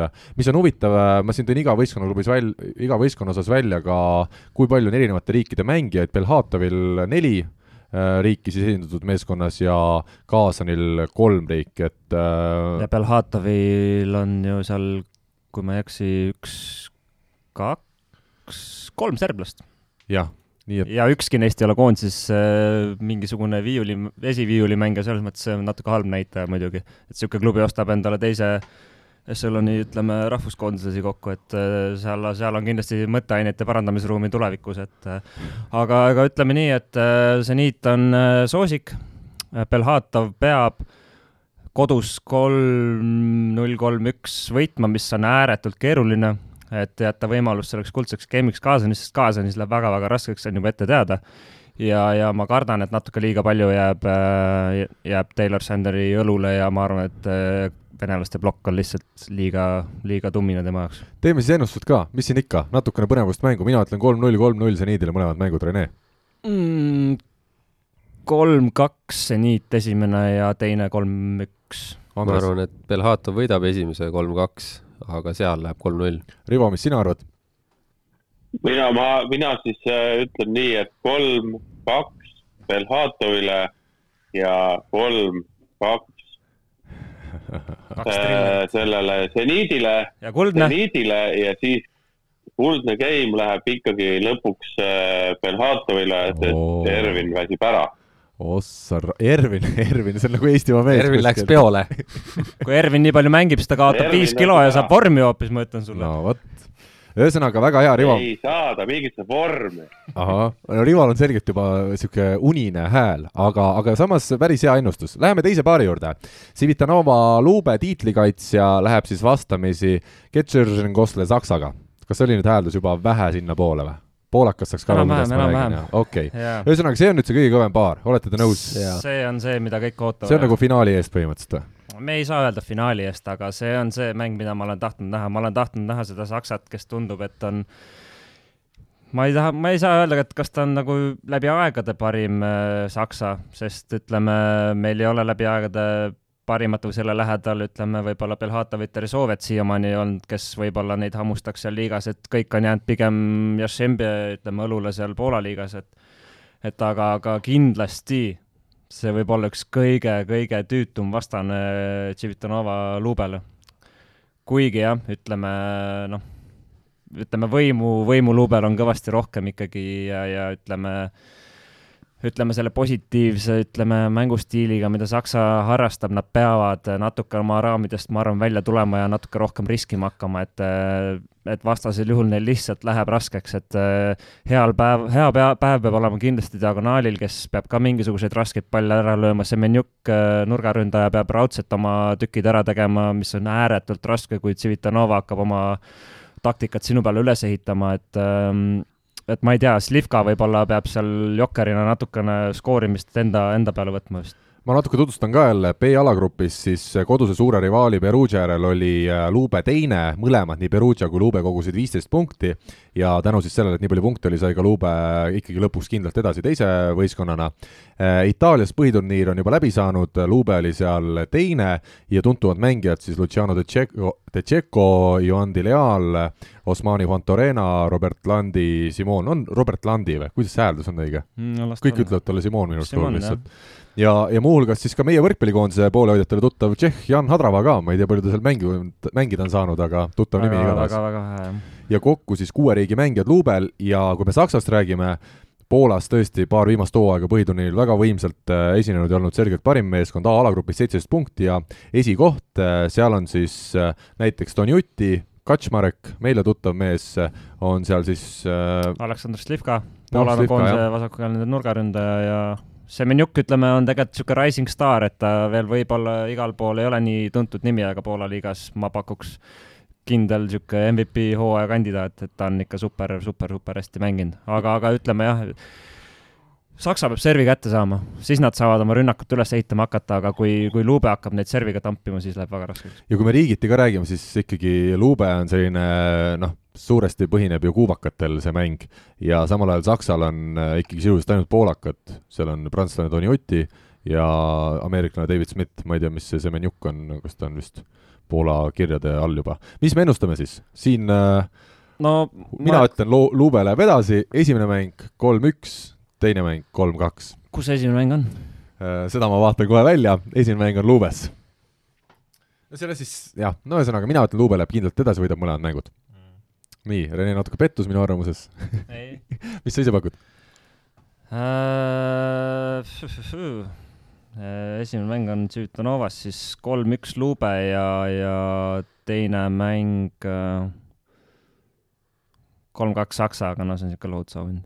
Andres jah, ma ise seda lootsin tegelikult ka, et äh, see läheb nagu hilisemasse faasi, need, need vastased, aga aga selles mõttes samamoodi nagu päris põnev, et juba väga varakult tehakse selgeks, et üks, kes seal nagu nii-öelda finaali pretendent võiks olla, langeb ikkagi suht kiiresti välja, et aga ma, ma ei teagi, selles mõttes, et äh, Lube siin, siin karikal näitas ennast väga heast küljest, on ju. mulle tundub, et äh, Lube, sorry, et segan, on viimasel ajal niisugune sats, et need kuubakad on juba mõnda aega seal nagu omavahel koos olnud ja nad natuke valivad neid mänge juba. jaa, tundub et, ka, sest äh, jaa, sest et äh, mitte kunagi kui on mõisa peale mänge, ei tasu lube vastu panustada, nad võtavad kokku nad, äh, need samused, see Fontarena on, mis ta on, on niisugune näitleja, niisugune nõme, aga kui on äh, millegi peale see mäng, see vend on alati oma ära teinud. jaa, et täpselt oligi, nii kui see karikavõit tegelikult neil ära tuli, siis need järgmised reamängud, no siis see nagu puhati, puhati rahulikult ja no okei okay,, seal tehti ka vahetusi ja asju ka, aga aga ma miskipärast arvan, et äh, ikkagi Lube läheb edasi sealt, et äh, et esimene, no kuna siin ränks ära, ma, arvan, et esimene tuleb Lubel kolm-üks ja, ja teine kas siis see, see saab olema niimoodi, et Lube võtab seal mingi, ütleme kolmanda, nojah, ütleme kolmandaga, ütleme üks-üks ja siis võtab kolmandaga ära ja, ja, ja siis juba noh, siis ei ole nagu, siis on juba tehakse nagu mingid, siis saabki Hadrava mängida jah, Eesti võrkpalli saavad, pange siis teleks käima. aga mis, mis võib-olla mõjutab ka Luube, ütleme neid mänge hetkel on see, et jube kõva trall tegelikult marketil käib juba ringi ja, ja Luube läheb vist täiesti laiali, seal on äh, mingisugused finantsteemad ja asjad, et äh, mängijad enam ei ole nõus enam oma palgast loovutama ja, ja leitakse teisi nagu lahendusi, et see on ka jälle see, et äh, et ah, mingid mängud blablabla bla, bla, aga no ütleme siis, kui, kui on vaja asjaks, et läheb, siis Simon võtab selle suure papana selle pundi kokku ja pannakse täiega lõpuni. ja Rivo, sinu ennustus ka? kolm-üks, kolm-üks, äh, Lube võidab. selge, läheme siis. Simon, Simon on lihtsalt nii kõva mees. vot, see on hea ja Simon on ju Eestis ka käinud mängimas, eks Rivo, sellele ka tuginedes sa ütled, kaks tuhat kaksteist ikkagi, tuletame meelde jälle, Simon siin Eestis mängimas käis Selveriga mingit äh, karikasarja CEF-i oma. Jaa, käisin vaatamas, oli tore mäng. Piacenza ja minu arust Piacenza lõpuks võitis ka selle karikasarja. jaa, Selverit võitis ta niikuinii ja hiljem võitis ka karikasarja enda. aga Rivo, kes sa käisid vaatamas, sa olid siis seal varumeeste nurgas või ei, siis sa ikkagi käisid niisama juba vaatamas? jaa, käisin tribüüni peal vaatamas, vist oleme rääkinud ka sellest, seal oleme. oli Kalev Kruus, Kalev Kruus ütles selle kohta väga hea lause, kui äh, tuli sisse, tuli see, äh, saali tuli sisse, kõigepealt tuli sisse Simon ja siis tulid Selveri mehed, siis Kalev Kruus ütles selle peale, kõigepealt tuli isa, siis tulid lapsed järgi. Ja teist korda selles saates me oleme seda nalja nüüd kuulnud ja aina paremaks läheb, nii et Rivo, me ootame kolmandat korda. aga meie võtame siit kolmanda paari. Äh, Berliini äh, Recycling Wallis siis, mis, ähm, mida juhendab meie koondise peatreener Cedric Enard, äh, läheb vastamisi Trentinoga ja Berliin siis pääses üle noatera lõpuks edasi C-alagrupis, teine koht saadi kaheteist punktiga, seniit selle alagrupi siis võitis. Sal-, Saksamaal põhiturniiril hetkel alles Berliin kolmandal kohal, me teame, et ei ole Enardil see hooaeg nüüd väga lihtsalt läinud, Sergei Krankin, Venemaa superstaar, Kevin Leroux ja teised sõbrad seal, kokku seitsme riigi võrkpallurit mida me nüüd Berliini kohta öelda võiksime? Noh, nagu juba mainitud, siis äh, natuke juba tuli, tuli välja ka, miks Berliin üldse edasi sai, et äh, et ei taha, ütleme, võib-olla siis neile liiga teha, aga oleme ausad, et kui Jašembi oleks seal Kalarupis mänginud, siis nad oleks tuppa tõmmanud sellele Berliinile, nii et nii et vähe ei ole, et Berliin jah, paraku on natukene, ütleme, Läti alt pannud see aasta, mehi seal on ja mehi osteti juurde, Kaliberda on nüüd äh, platsi peal loodetakse mingisugust kogemust veel lisada sinna vist, et mingit stabiilsust tekiks. noh, Kaliberta võib-olla saabki vormi ja, ja, ja ütleme, mängibki oma selles mõttes asjad ära, iseenesest palju tal seda levelit nagu alles on, et kui tõsiselt ta seda võrguasja üldse võtab, ma ei, ma ei tea tänasel päeval, aga aga paras posu neid mehi seal on äh, kokku võetud ja, ja noh, kui me räägime sellest paarist, ütleme, Trento sai oma näfaka seal šokk-kaotuse seal karika poolfinaalis Perugialt, et äh, peale seda ilmselt kukuti korra kokku, aga, aga üsna kiiresti tuldi sellest ka välja, et. Äh, mida sa mõtled šokk-kaotuse all? Nad said ikka, ma ei tea, kakskümmend said täis seal poolfinaalis Perugia vastu. Perugia mängis lihtsalt. no see on Nende kindlasti üllatav. no Trent on ikkagi komplekteeritud, kui et vähemalt ühe tiitli võtaks see aasta ja, ja ütleme seal, seal ikkagi natukene mingid küsimärgid selles mõttes jäid õhku, ütleme, Perugia tegi tõesti niisuguse mängu, et no hoia mütsi kinni, no tollel päeval oleks kõik saanud, ma arvan, nende käest tala, aga, aga see mäng, ideaalne mäng tuli natuke liiga vara ja, ja järgmine päev karikafinaalis Lube vastu oli juba seis teistpidi, et et äh, aga, aga jah, mis seal on, et Nimir äh, pikalt olnud see küsimus õhus, et minul endal näiteks, kas ta on, kas ta on tiitlite võitja mees ja kas ta on suurte mängude mees, et see natukene jälle tõmbas seda nagu moti maha, et ma mäletan, kui ta mängis Milanos veel ja tagus seal samamoodi kolmkümmend punni per mäng ja siis oli jälle Trento vastu vaja mängida mingit äh, karikaveerandit, siis ta jälle kõrbes kõvasti, et see juhtus jälle, võib-olla teen jällegi natuke liiga ja kindlasti ülikõva vend ja nii edasi.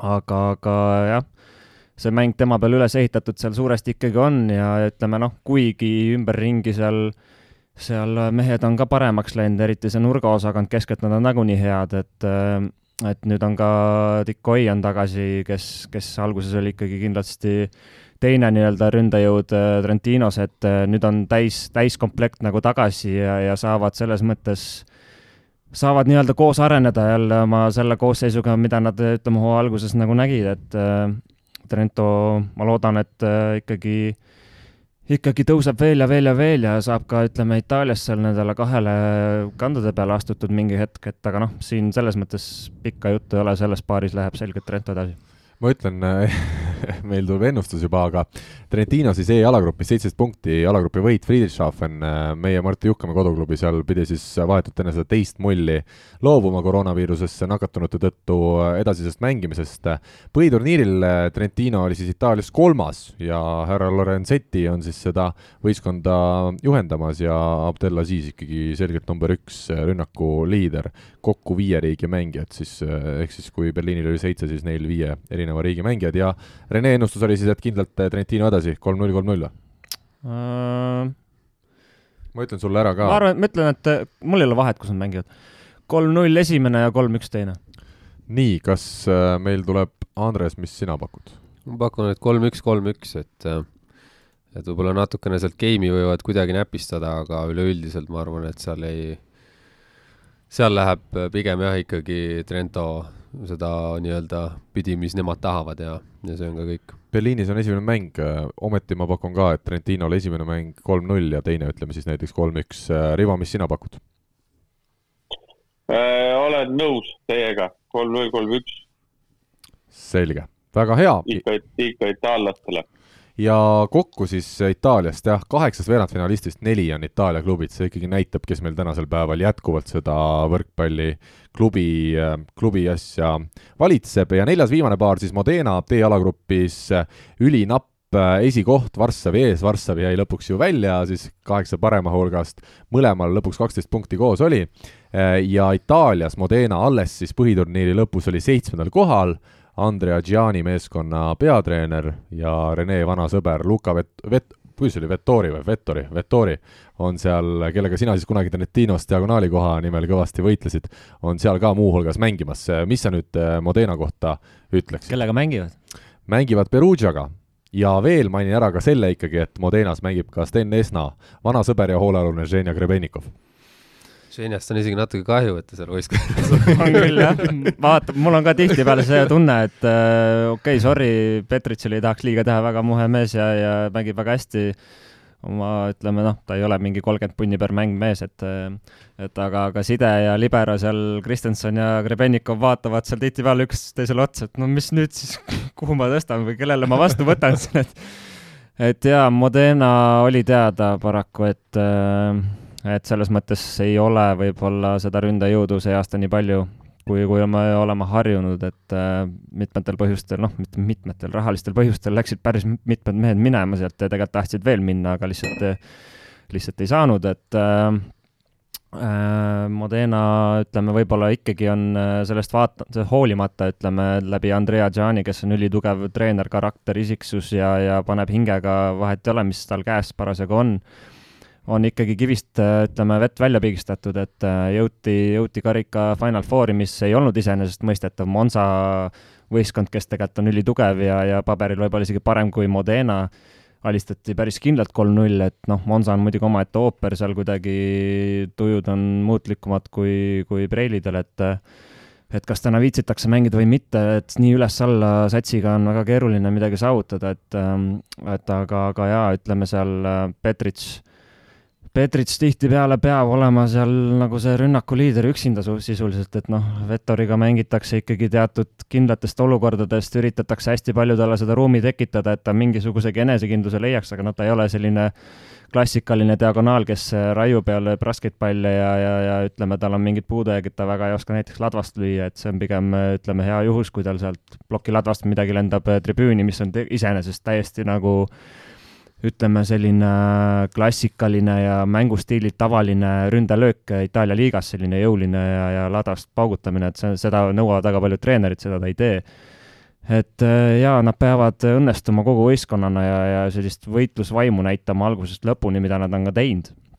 aga noh, me räägime ikkagi, et vastas on Perugia ja ütleme, Perugial kindlasti on sealt noh, omavahelisi mänge on juba see aasta ka nii palju olnud, et see selline mentaalne üleolek juba on ennem seda seeriat olemas ja, ja see enesekindlus nende üle, et võib-olla üks mängudest läheb, ütleme, võib-olla natukene põnevamaks, et et aga noh, ütleme, Perugia Leon võtab üksinda selle asja seal ette, kui vaja on ja nagunii ta võtab ka, et et pigem Perugia puhul on huvitav, kuidas, kuidas see diagonaali asi lahendatakse, et nüüd on selge, et Atanasevitš on läinud võistkonnast terve nädalavahetus pasundati igasugustes ajalehtedes, kaheksa aastat, pikka aeg tehti ilusaid asju, nüüd on see läbi, et oot-oot, ta on läinud siis järgmise hooaja mõttes? järgmise hooaja mõttes, aga, aga juba, juba, juba ikkagi on jah, selles mõttes selge, et ta ei jätka ja ütleme, kui palju seal noh, ma nägin ise mängupilti ka, mingisugune mäng siin, et noh, ta ikka ei ole see, ma selles mõttes saan Hainenist aru, et sinna oli vaja jõudu juurde tuua play-off ideks, et nüüd on poolakas Musai kohal et eks ole näha, eks ole näha, et Ter Horst iseenesest hollandlane, kes on nurgaründaja, on päris okeilt seal tegutsenud ja ja, ja ilmselt on, ilmselt see mängustiil või kuidas, kuidas see jõuline nii-öelda rünnak tal nagu välja näeb, sobib ka peatreenerile, et et ei pruugi nii olla, et Musai kohe hüppab platsi ja nii ongi, et et see saab see põle- põnev koht olema ja, ja ka noh, üldiselt kindlasti Perugia läheb siit kolm-üks, kolm-üks edasi ja Robert tähesis eelmise hooaja koduklubi Perugia kohta nii palju ka, et B-alagrupis esimene koht, nii nagu juba sai mainitud, Luubega koos nad viisteist punkti teenisid, üks läks esimesena, teine teisena sealt edasi. ja põhiturniiri siis võitja meil ikkagi Perugia tänavusel hooajal, Vital Hainen, meilegi tuttav belglane, on siis meeskonna eesotsas jätkuvalt Wilfredo Leon ja, ja sõbrad siis kokku seda võistkonda veavad. ja pange nüüd tähele, Perugia võistkonnas mängivad võrkpallurid üheksast erinevast riigist et ikka päris uskumatu komplekteeritavus, et äh, põhimõtteliselt kas siis ongi kõigile positsioonidele olgu sa põhimees või varumees, on sul nagu komplekteeritud kõva mängija või? aga sa võid ju, jaa, kin-, seda nagunii, et ega seal ju makstakse trenni kvaliteedi eest ka ju. top, top-klubid teevad seda ja, ja seal ei ole ju selles mõttes vahet, kui su põhi, põhimängijad on äh, võetud välismaalased, sa võid ka ju varumehed võtta välismaalased, et äh, noh, paraku äh, itaallaste enda tase on selline, nagu ta on, et nüüd on jällegi selline rising star olemas tegelikult nurgaründaja näol Daniele Lavia Modenas, noh, kellest, keda ma ei maininudki, et on näha on, et tal on kõik olemas, aga samas on näha, et ta on selline tüüpiline fa-fa, niisugune lõhverdis itaallane ka, kes ilmselgelt paraku ma kardan, et ei, ei ei ole selline töökas mees, kellel oleks, noh, tal oleks kindlasti vaja siin paar aastat kõvasti tööd teha ja füüskat veel kõvasti juurde kütta ja nii edasi, et aga ma kardan, et seal ei ole seda mentalitit taga ja, ja tast ei saa ikkagi sellist tippmängijat, nagu Itaalial hädasti vaja oleks. nii, aga Rivo, nüüd sõna sinule, palun ole hea, ütle meile ah,, kas me Modena Perugias ennustame, mina ütlen kolm-üks, kolm-üks Perugiale. ma ka ütlesin, jah. kolm-null, kolm-üks ja Rivo, nüüd sulle, ole hea, anna selle viimase paari osas meil ennustus ja siis ütle ka, kes mängivad tänavu meil meistrite liigas finaalis ja kes kroonitakse siis meeste võistlusel äh, võitjaks Äh, Perugia, ma arvan, siit võtab rahulikult ära mingi kolm-null, kolm-null, ma pakuks isegi, aga ja kui need paarid on nüüd niipidi, siis äh, noh, ma arvan, et Perugia ja, ja siis äh, Lube lähevad. ahsaa, ja kes võidab? vot seda ma ei oska ennustada praegu. sul ei ole?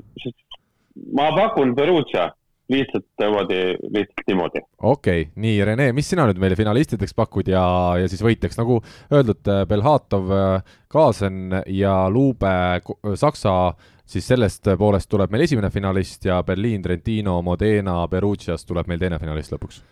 no ma tahaks natuke, noh, unistame, et äh, Luube seniit on vist üks poolfinaal või? võimalik just et see võiks tulla põnev asi ja, ja teisest küljest ma loodan, et et kui ei ole ainult ühest mängust, see vabastab mingil määral pingest Trentinot.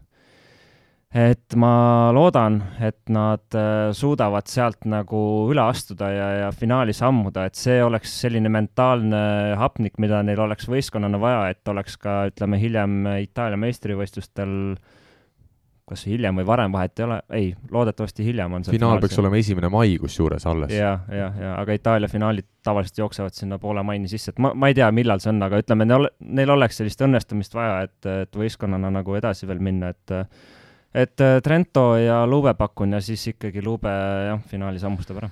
Andres? ma arvan, et on äh, karika sihuke kordusfinaal nii-öelda, aga seekord võtab Perugia ära no mina, et ikkagi natukene põnevust tuua mängu lisaks Ruukile, kes Eesti võrkpallis seda on seni teinud, pakun, et Zeniit äh, mängib meil äh, finaalis siis äh, Perugiaga ja Zeniit selle finaali võidab, teeme sellise ennustuse. huvitav nüüd see, et minu teada peaks olema aprillikuu keskeks, keskpaigaks kõik klubimängud Euroopas mängitud. ei, seda on minu arust muudetud juba mitmeski kohas, sest et äh, siin on ju igasugused mingid koroonapausid ja asjad ja, ja see selles mõttes see ei ole füüsiliselt lihtsalt võimalik neid asju selleks ajaks ära teha, et see, ma arvan, seal pandi mingisugune kuupäev algselt nii-öelda paika näiliselt, aga, aga no lihtsalt eh, peab vastu, ma arvan, tulema et eh, mingid asjad jooksevad seal üle mai võib-olla ka. selge, aga meil on eh, juba, võib öelda, ikkagi tund kakskümmend saadet kulunud ja juba on meil aeg võtta ette tänase saate viimane teema ja, ja sellele teemale me väga palju aega täna ei pühenda ka, nii et tundub, et Rivo saab ikkagi enne hommikut juba magama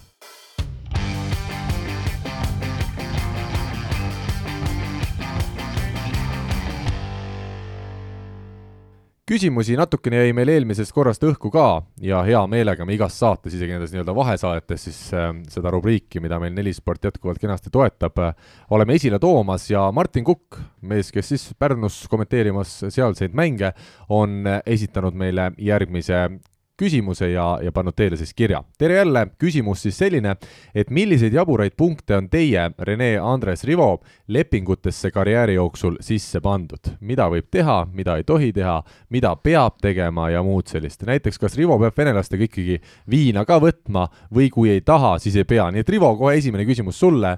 kas teil on... küsimus oli juba, ei olnud või? oli või?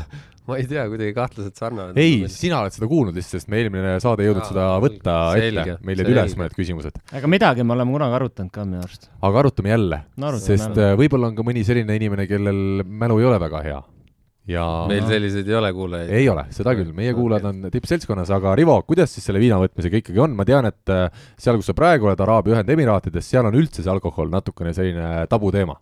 ei ole see väga midagi siin tabuteema ei, tegelikult Äh, ei no mis tahab või ei taha. Tuleb võtta. oota, mis sa ütlesid, mis sa ütlesid, et kui tahad, siis tuleb võtta või? ei, kui tahad või ei taha, no kui tuleb võtta, siis tuleb võtta. selge. aga selliseid, selliseid punkte ei ole, ei ole sees, aga me just, just lasime teha oma mängijatele selleks hooajaks uued lepingud või nagu olümpia-aastaks uued lepingud, kuhu sisse siis noh, mingeid jaburdusi ei kirjutatud, aga, aga üks põhipunkt, mis seal sees oli, oli see, et äh, kõik spordialad, mis ei ole võrkpall või mis ei ole treeninguga seotud, on keelatud. kõik. absoluutselt kõik. nii et piljardit lobis ei mängi, hotellilobis piljardit mehed ei mängi? Mängivad hukakat, hukakat ka ei mängi?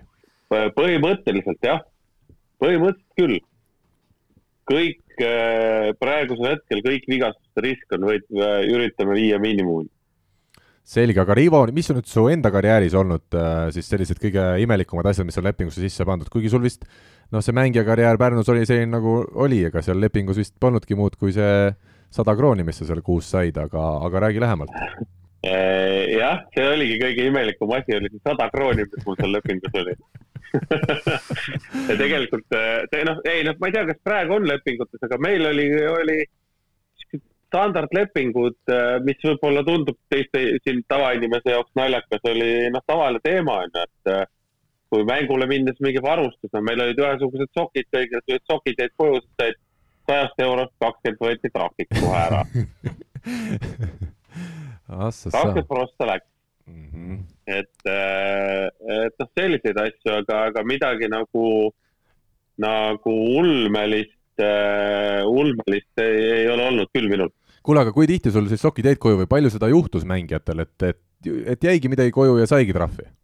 ikka, ikka, kõvasti, ega ju nende, nende trahvide eest, noh, Andres ja ma ei tea, kuidas praegu need süsteemid on, aga nende trahvide eest on ikka jõulupidusid ja asju peetud, nii et vähe pole, et kellele sokid, kellele, ma ei tea, mingisugune dressikas või püksid maha jäänud. ühesugused joped olid meil siis mingid mütsid, sallid, asjad onju. kes jääb minut hiljaks, kes seal unustab mingit, ma ei tea, veepudeli koju, mida iganes, iga asja eest on trahv vaata kus, aga Andres, tuleme nüüd sinu juurde, mis äh, sinu karjääris on olnud ja mis teil Selveris sel hooajal siis äh, on teil midagi sedasi trahvikassasse erilist ka pandud millegi mm. imeliku eest? et eelnevatel siis nii-öelda lepingud äh,, ega muud midagi väga erilist ei ole, minu arust Slovakkias oli seesama see, seal ei olnud otseselt öeldud mäesuusatamine, aga seal oli jah, nagu viitega, et talvel on siis nagu ekstreemsport on nagu noh, on niimoodi, et, et see on nagu enda, enda vastutusel, et kui midagi juhtub, siis äh, siis on nagu null palgaks ega muud ei olegi. või noh, ühesõnaga jah, et siis see vigastuspaus nagu, kui tekibki mingi asi, siis, siis, siis on enda vastutus ja, ja seal ei maksa keegi enam. aga Selveris äh, ega meil see aasta nagu trahvisüsteemi polegi, kusjuures. ei olegi? ei ole jah, et me ei raha, raha ei kogu kuidas te ju kui pidu ju panna ei saa. aga kui Rene jääb hiljaks trenni, mis siis, ütlete kõik, et pole hullu, järgmine kord tule varem? No.. ei, eks meil ikka sümboolsed mingisugused asjad on, eks igaüks saab aru, kui ta eksib selles mõttes ja, ja siis, siis ilmselgelt ta käitub vastavalt olukorrale ja toob midagi ilusat, aga aga ütleme jah, see, millest Rivo rääkis, need, mis olid võib-olla tõesti lepingus tal omal ajal, siis tänasel päeval need on jah, niisugused trahvi, ütleme, teemad, mis on iga klubi ise nagu määranud, et et see ei ole lepingus kirjas? ei Just. ole, äh, see on klubi enda poolt määratud ja ütleme, tegelikult ka need ajad on möödas, sest et äh, väga palju ikkagi sellist trahvivärki tänasel päeval ei ole. olen ise selle vastu üldiselt äh, ja, ja ise ka, ütleme, ühes klubis selle nii-öelda pulli ära ma ei saa öelda, et ära lõpetanud, aga no ütleme, minu initsiatiivil see pull lõppes selles mõttes, et mis klubis see oli siis? Poitiersis, et äh, tihtipeale ütleme, see trahvivärk, äh, ütleme see, kes, üks inimene haldab seda tavaliselt nii-öelda. ja tihtipeale see inimene on niisugune nagunii niisugune paras emm, on ju. ja kui ta sul käib ja sälistab iga päev viis korda, et kuule, sa oled äh, viiskümmend euri võlgu, siis see ajab närvi ja päris kiiresti ajab närvi ja kui võistkonnal on mingisugused, ma ei tea, probleemid, ma ei tea, kas mäng ei suju või mis iganes, siis see on niisugune lisapinge, mis nagu iseenesest on nagu täiesti mõttetu, onju.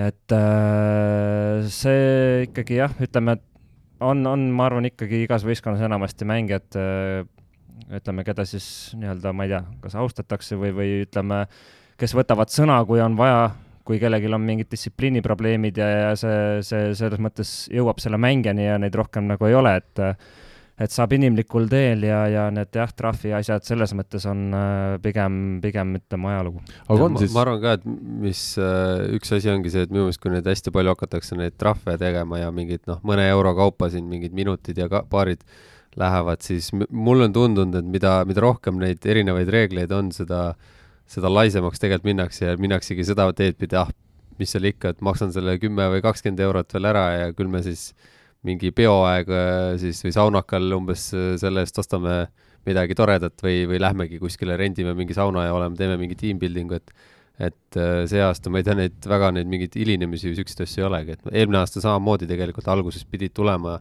trahvid nii-öelda, aga siis tehti ka ümber sellega, et et pigem said mingid nii-öelda penalti punkte, et asjade vedamised ja kes võtab palli ja pallid ja kes võtab mingid joogikorvid ja niisugused asjad, et noh, eks see on ka omaette niisugune kellele võib-olla hakkab ego pihta vahest või mida iganes, aga, aga see ei ole päris niisugune, et kus äh, jah, et, et keegi käib ja nurub sult mingit, kuule, et sa oled mulle raha võlgu või mida iganes, et ka kasseerin sisse, noh. no aga see ongi selles mõttes ka, et äh, samamoodi oli seal Poitersis, et oo, aga me saame ju umbes käia ja grillipeo kevadel teha, noh. kas ma viitsin terve no, aasta kuulata seda pläusti selle jaoks, et üks kuradi grillipidu teha või?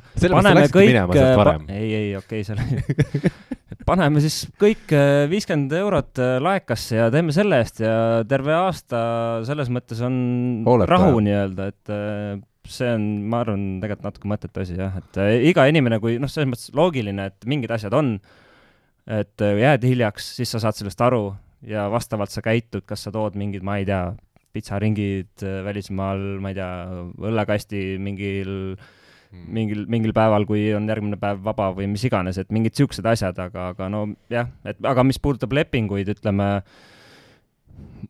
tegelikult äh, mängijaid huvitavad numbrid, jah? neli, neli asja põhimõtteliselt kas Nii. sul on äh, normaalne korter seal kirjas, kas sul on normaalne auto seal kuidas kirjas? kuidas sa saad aru või..., kas see on normaalne korter? kas seal mingid pildid peavad olema või? jaa, tark on küsida pilte lepingusse suvel. juba valmis nagu nii-öelda, et e, näidake ära korter, kus on, mis on. jah, jah. Mm -hmm. siis on äh, palganumber ja boonused ja tegelikult see ülejäänud äh, jutt, mis seal on, ütleme, ka kui sa teed suvel kellegiga lepingu äh, ma ei tea, mina siiamaani olen küll kahelehelisi asju seal allkirjastanud, et see õige paks leping tuleb kunagi hiljem, kus võib-olla on need punktid kirjas, aga mind ei ole mitte kunagi see huvitanud, sest mina lähen sinna võrkpalli mängima ja, ja selles mõttes mäesuusatada, mäesuusatamist ei plaani harrastada, nii et mul ei ole vahet, mis seal on oleks sa Slovakkias, ma arvan, et sa tahaks. no ma olin Innsbruckis kaks aastat ja Trentos aasta, seal on kõik asjad olemas. ei, seal ei, seal ei teki üldse seda olukordagi, kus sa tegelikult nagu väga tahaks niisugust asja teha. nii, aga mis, Mart, ma, ma nagu panen ennast praegu Martini rolli, ta kuulis, et auto on ka nagu lepingus sees, mis on sinul no, siis? see sõltub, see sõltub nagu selles mõttes, et äh, minul on isiklikult huvi olnud äh, auto, auto ka sinna sisse kirjutada. kas sa siis ütled neile, et mis äh, hinnaga siis see auto peab olema? Ei, ei, mitte seda, mitte seda, lihtsalt, et see auto on olemas, jah. ja üldjuhul ikkagi on, ütleme, mingisugust, mingisugust, ütleme, auto, ütleme, mingite tootjatega on mingisugused diilid tehtud ja need autod on enamasti okeid olnud, Aga et kas Jokki va saa? vaidleks vastu võib-olla, mis tal seal rennis toimus, aga aga kas jokki ei saa seal teha, et tulebki, see klubi ütleb sulle, et sul on auto, aga too promulast mingi asja, mis ei sõida no või Gert räägikski sellest jaa, praegu. aga aga üldjuhul olnud, asja ei ole. meil, jäi Stenil, käisime kunagi külas sealsamas rennis, siis äh, tulime kuskilt vaatamistväärselt vaatamas äh, ja auto jäi kiirtee pealt maha pöörates nagu see mahasõidutee. Jäi seisma, lihtsalt jäi seisma, edasi ei liikunud enam, lükata ei saanud, midagi teha ei saanud, kõik tuled olid kustus, pime aeg. me oleks kaks korda seal otsa sõidetud selle aja jooksul. Ja oligi nagu konkreetselt äh, Volkswagen Golf, mis oli tehtud enne, kui üldse hakati Volkswagen Golfe tootma põhimõtteliselt nagu kuidas see välja näeb, oota. Ivo, räägi, kuidas see välja võib näha, enne hakati juba tootma, kui see auto tootmisesse läks. no ma ei tea, igatahes ta oli, ta jäi konkreetselt seisma, keset nagu kiirteed maha keeramist ja kõik, kogu mood. kuule, aga kas see jäigi sinna kohale. seisma või? kas see on siiani seal? ja, ja ei noh, võimalik. aga ei noh, poli-, kõigepealt tuli politsei, võttis meid peale, viis, meid viis sinna Steni mingi kodu juurde või kuskil või kaubanduskeskus, mis tal seal lähedal oli. Steni viis jaoskonda mingeid pabereid täitma. ja, ja siis autole tuli treiler järgi. Kas seal mitte ei ole rennis kellelgi mingisugune tutvus mingi autoaiaga kasutatud äh, sõidukid ja siis Romulaga. neid, ja neid vahetatakse seal minu arust ka jube palju, et äh, midagi läks müüki jälle kui sa nii ütled, siis täitsa võimalik, see, see jutt tundub nagu väga tuttav. kuule, sellega Gert võib, ma arvan, rääkida, Korsikal olid tal minu meelest palju vägevamad autod, seal oli kaks autot, mingid Fiat, ma ei tea, Puntod või ma ei tea, mingid väik-, ilged pisikesed junnid ja üks oli, ühel oli nii lahja mootor ka, et see, mis Gerdi käes alguses oli, et ja, ja selle pärast. kord oli hea nali, et et sellega on hea parkida, et siis kui tunned, et sein hakkab vastu selga tulema, et siis, siis, siis pead, aga, aga ma tean, et ta vahetas vahepeal autot, et kui nad mägedesse tahtsid sõitma minna, et selle autoga ei, ei saanud minna, et see ei läinud mäest ülesse nii et siukseid tasub, tasub vältida, et äh, tuleb kirja panna, et ma tahaks sellise, sellist autot, millega võiks mäest üles sõita. aga ja see, aga see, see on sama lu-, sama lugu, kui vana hea Pärnu ESS võistkond oli ja Nõmsalu, Meresaar, Pajusalu, Õue kallas ja vist oli ka Gert äkki või, kes käisid siis Tallinnast, oma käisid Fiat Pärnus, ei trennis. Kiiadega või? või mis need Kiia jah, jah, Jaa, see mingi, jah, mingi ESS-i endine või siis, mis jah, ESS-i poolt antud äh, Kiia auto, mis oli ühe koma kahe liitrise mootoriga. ja ta oli nii pisike, et ta, nad olid viiekesi, viis suurt meest ja spordikotid. ja siis Nõmsalu ütles ükskord, ükskord olid trenni hiljaks, siis äh, Nõmsalu ütles, et kurat, ei saanud Kernu mäest üles. et osad pidid nõu-, see me- pikk nagu ta ütles, pikk ja Gert pidid autost välja minema, et siis nad said autoga üles sõita, siis nad pidid jala järgi. kuulge, aga mul on nüüd teile küsimus siinkohal. palju on erinevates klubides olnud selliseid äh, kroonilisi hilinejaid või kroonilisi vendi, kes, kes no ei saagi asjadega hakkama, et alati ütleb, et oo, ma olin jälle hommikus ja ma ei saanud tulla või, või ongi mingi Kernu Mägi on alati tal ees, millest ta ei saa õigeks ajast, õigeks ajaks nagu üle. tuleb neid ette suurklubides, Rene, on, on siukseid nagu näiteid olnud, vaatad jälle venda ei ole, jälle teeb hiljaks. ei, suurklubides kindlasti ei ole, sest suurklubides ikkagi mängijad on äh, väga professionaalsed, et äh, tulevad äh, ikkagi oluliselt varem kohale.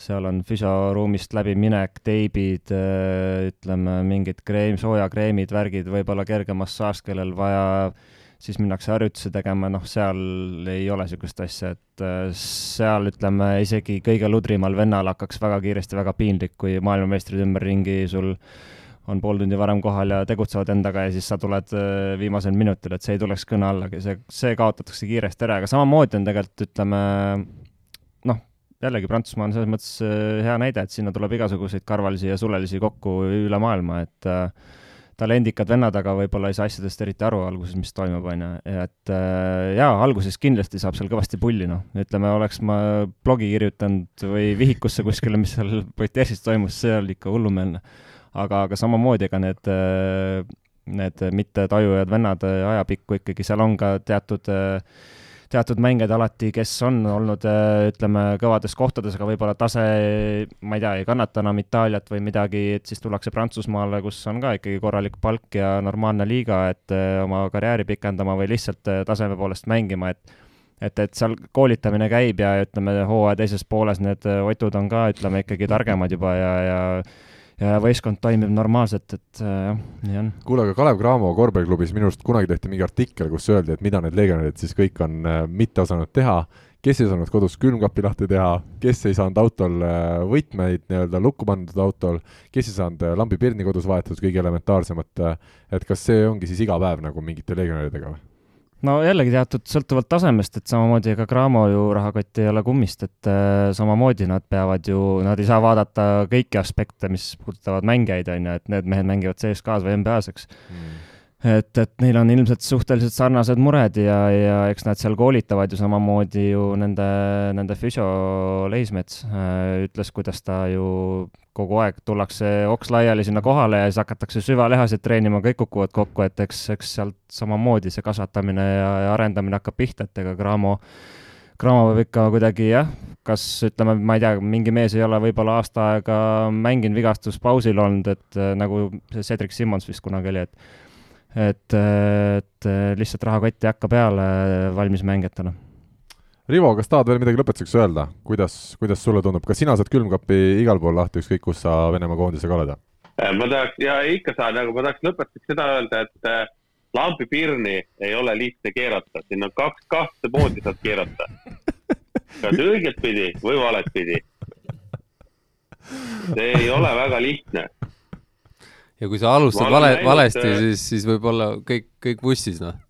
ei, ei no kui sa alustadki valesti, siis ju lähedki valesti, et selles suhtes äh, kui sa, kui sa hakkad nagu minema, onju, sa hakkad minema, Karl, ütleme, sa hakkad minema Manta majast, hakkad minema kesklinna Nii. ja sa keerad vasakule järsku. Nagu vasakule ja lähed kogu aeg sealt otse edasi. sa jõuad Haaberstisse, mitte kesklinna. terasesse sinu juurde jõuad. sama lambipirniga. sa jõuad minu juurde terasesse sinna sooja aga sama lambi, sa keerad ja keerad ja, ja ta läheb ja ta lähebki valesti. ja sa ei saagi, ei saagi. no aga siis sa pead, sa võid, teine variant on mitte lambi pirni vahetada, vaid lampi iga kord vahetada. et ostad uue lambi, kus on juba pirn olemas. nagu see pistik äh, käib. see on ka variant, jah. ja kolmas variant on äh, kobada pimeduses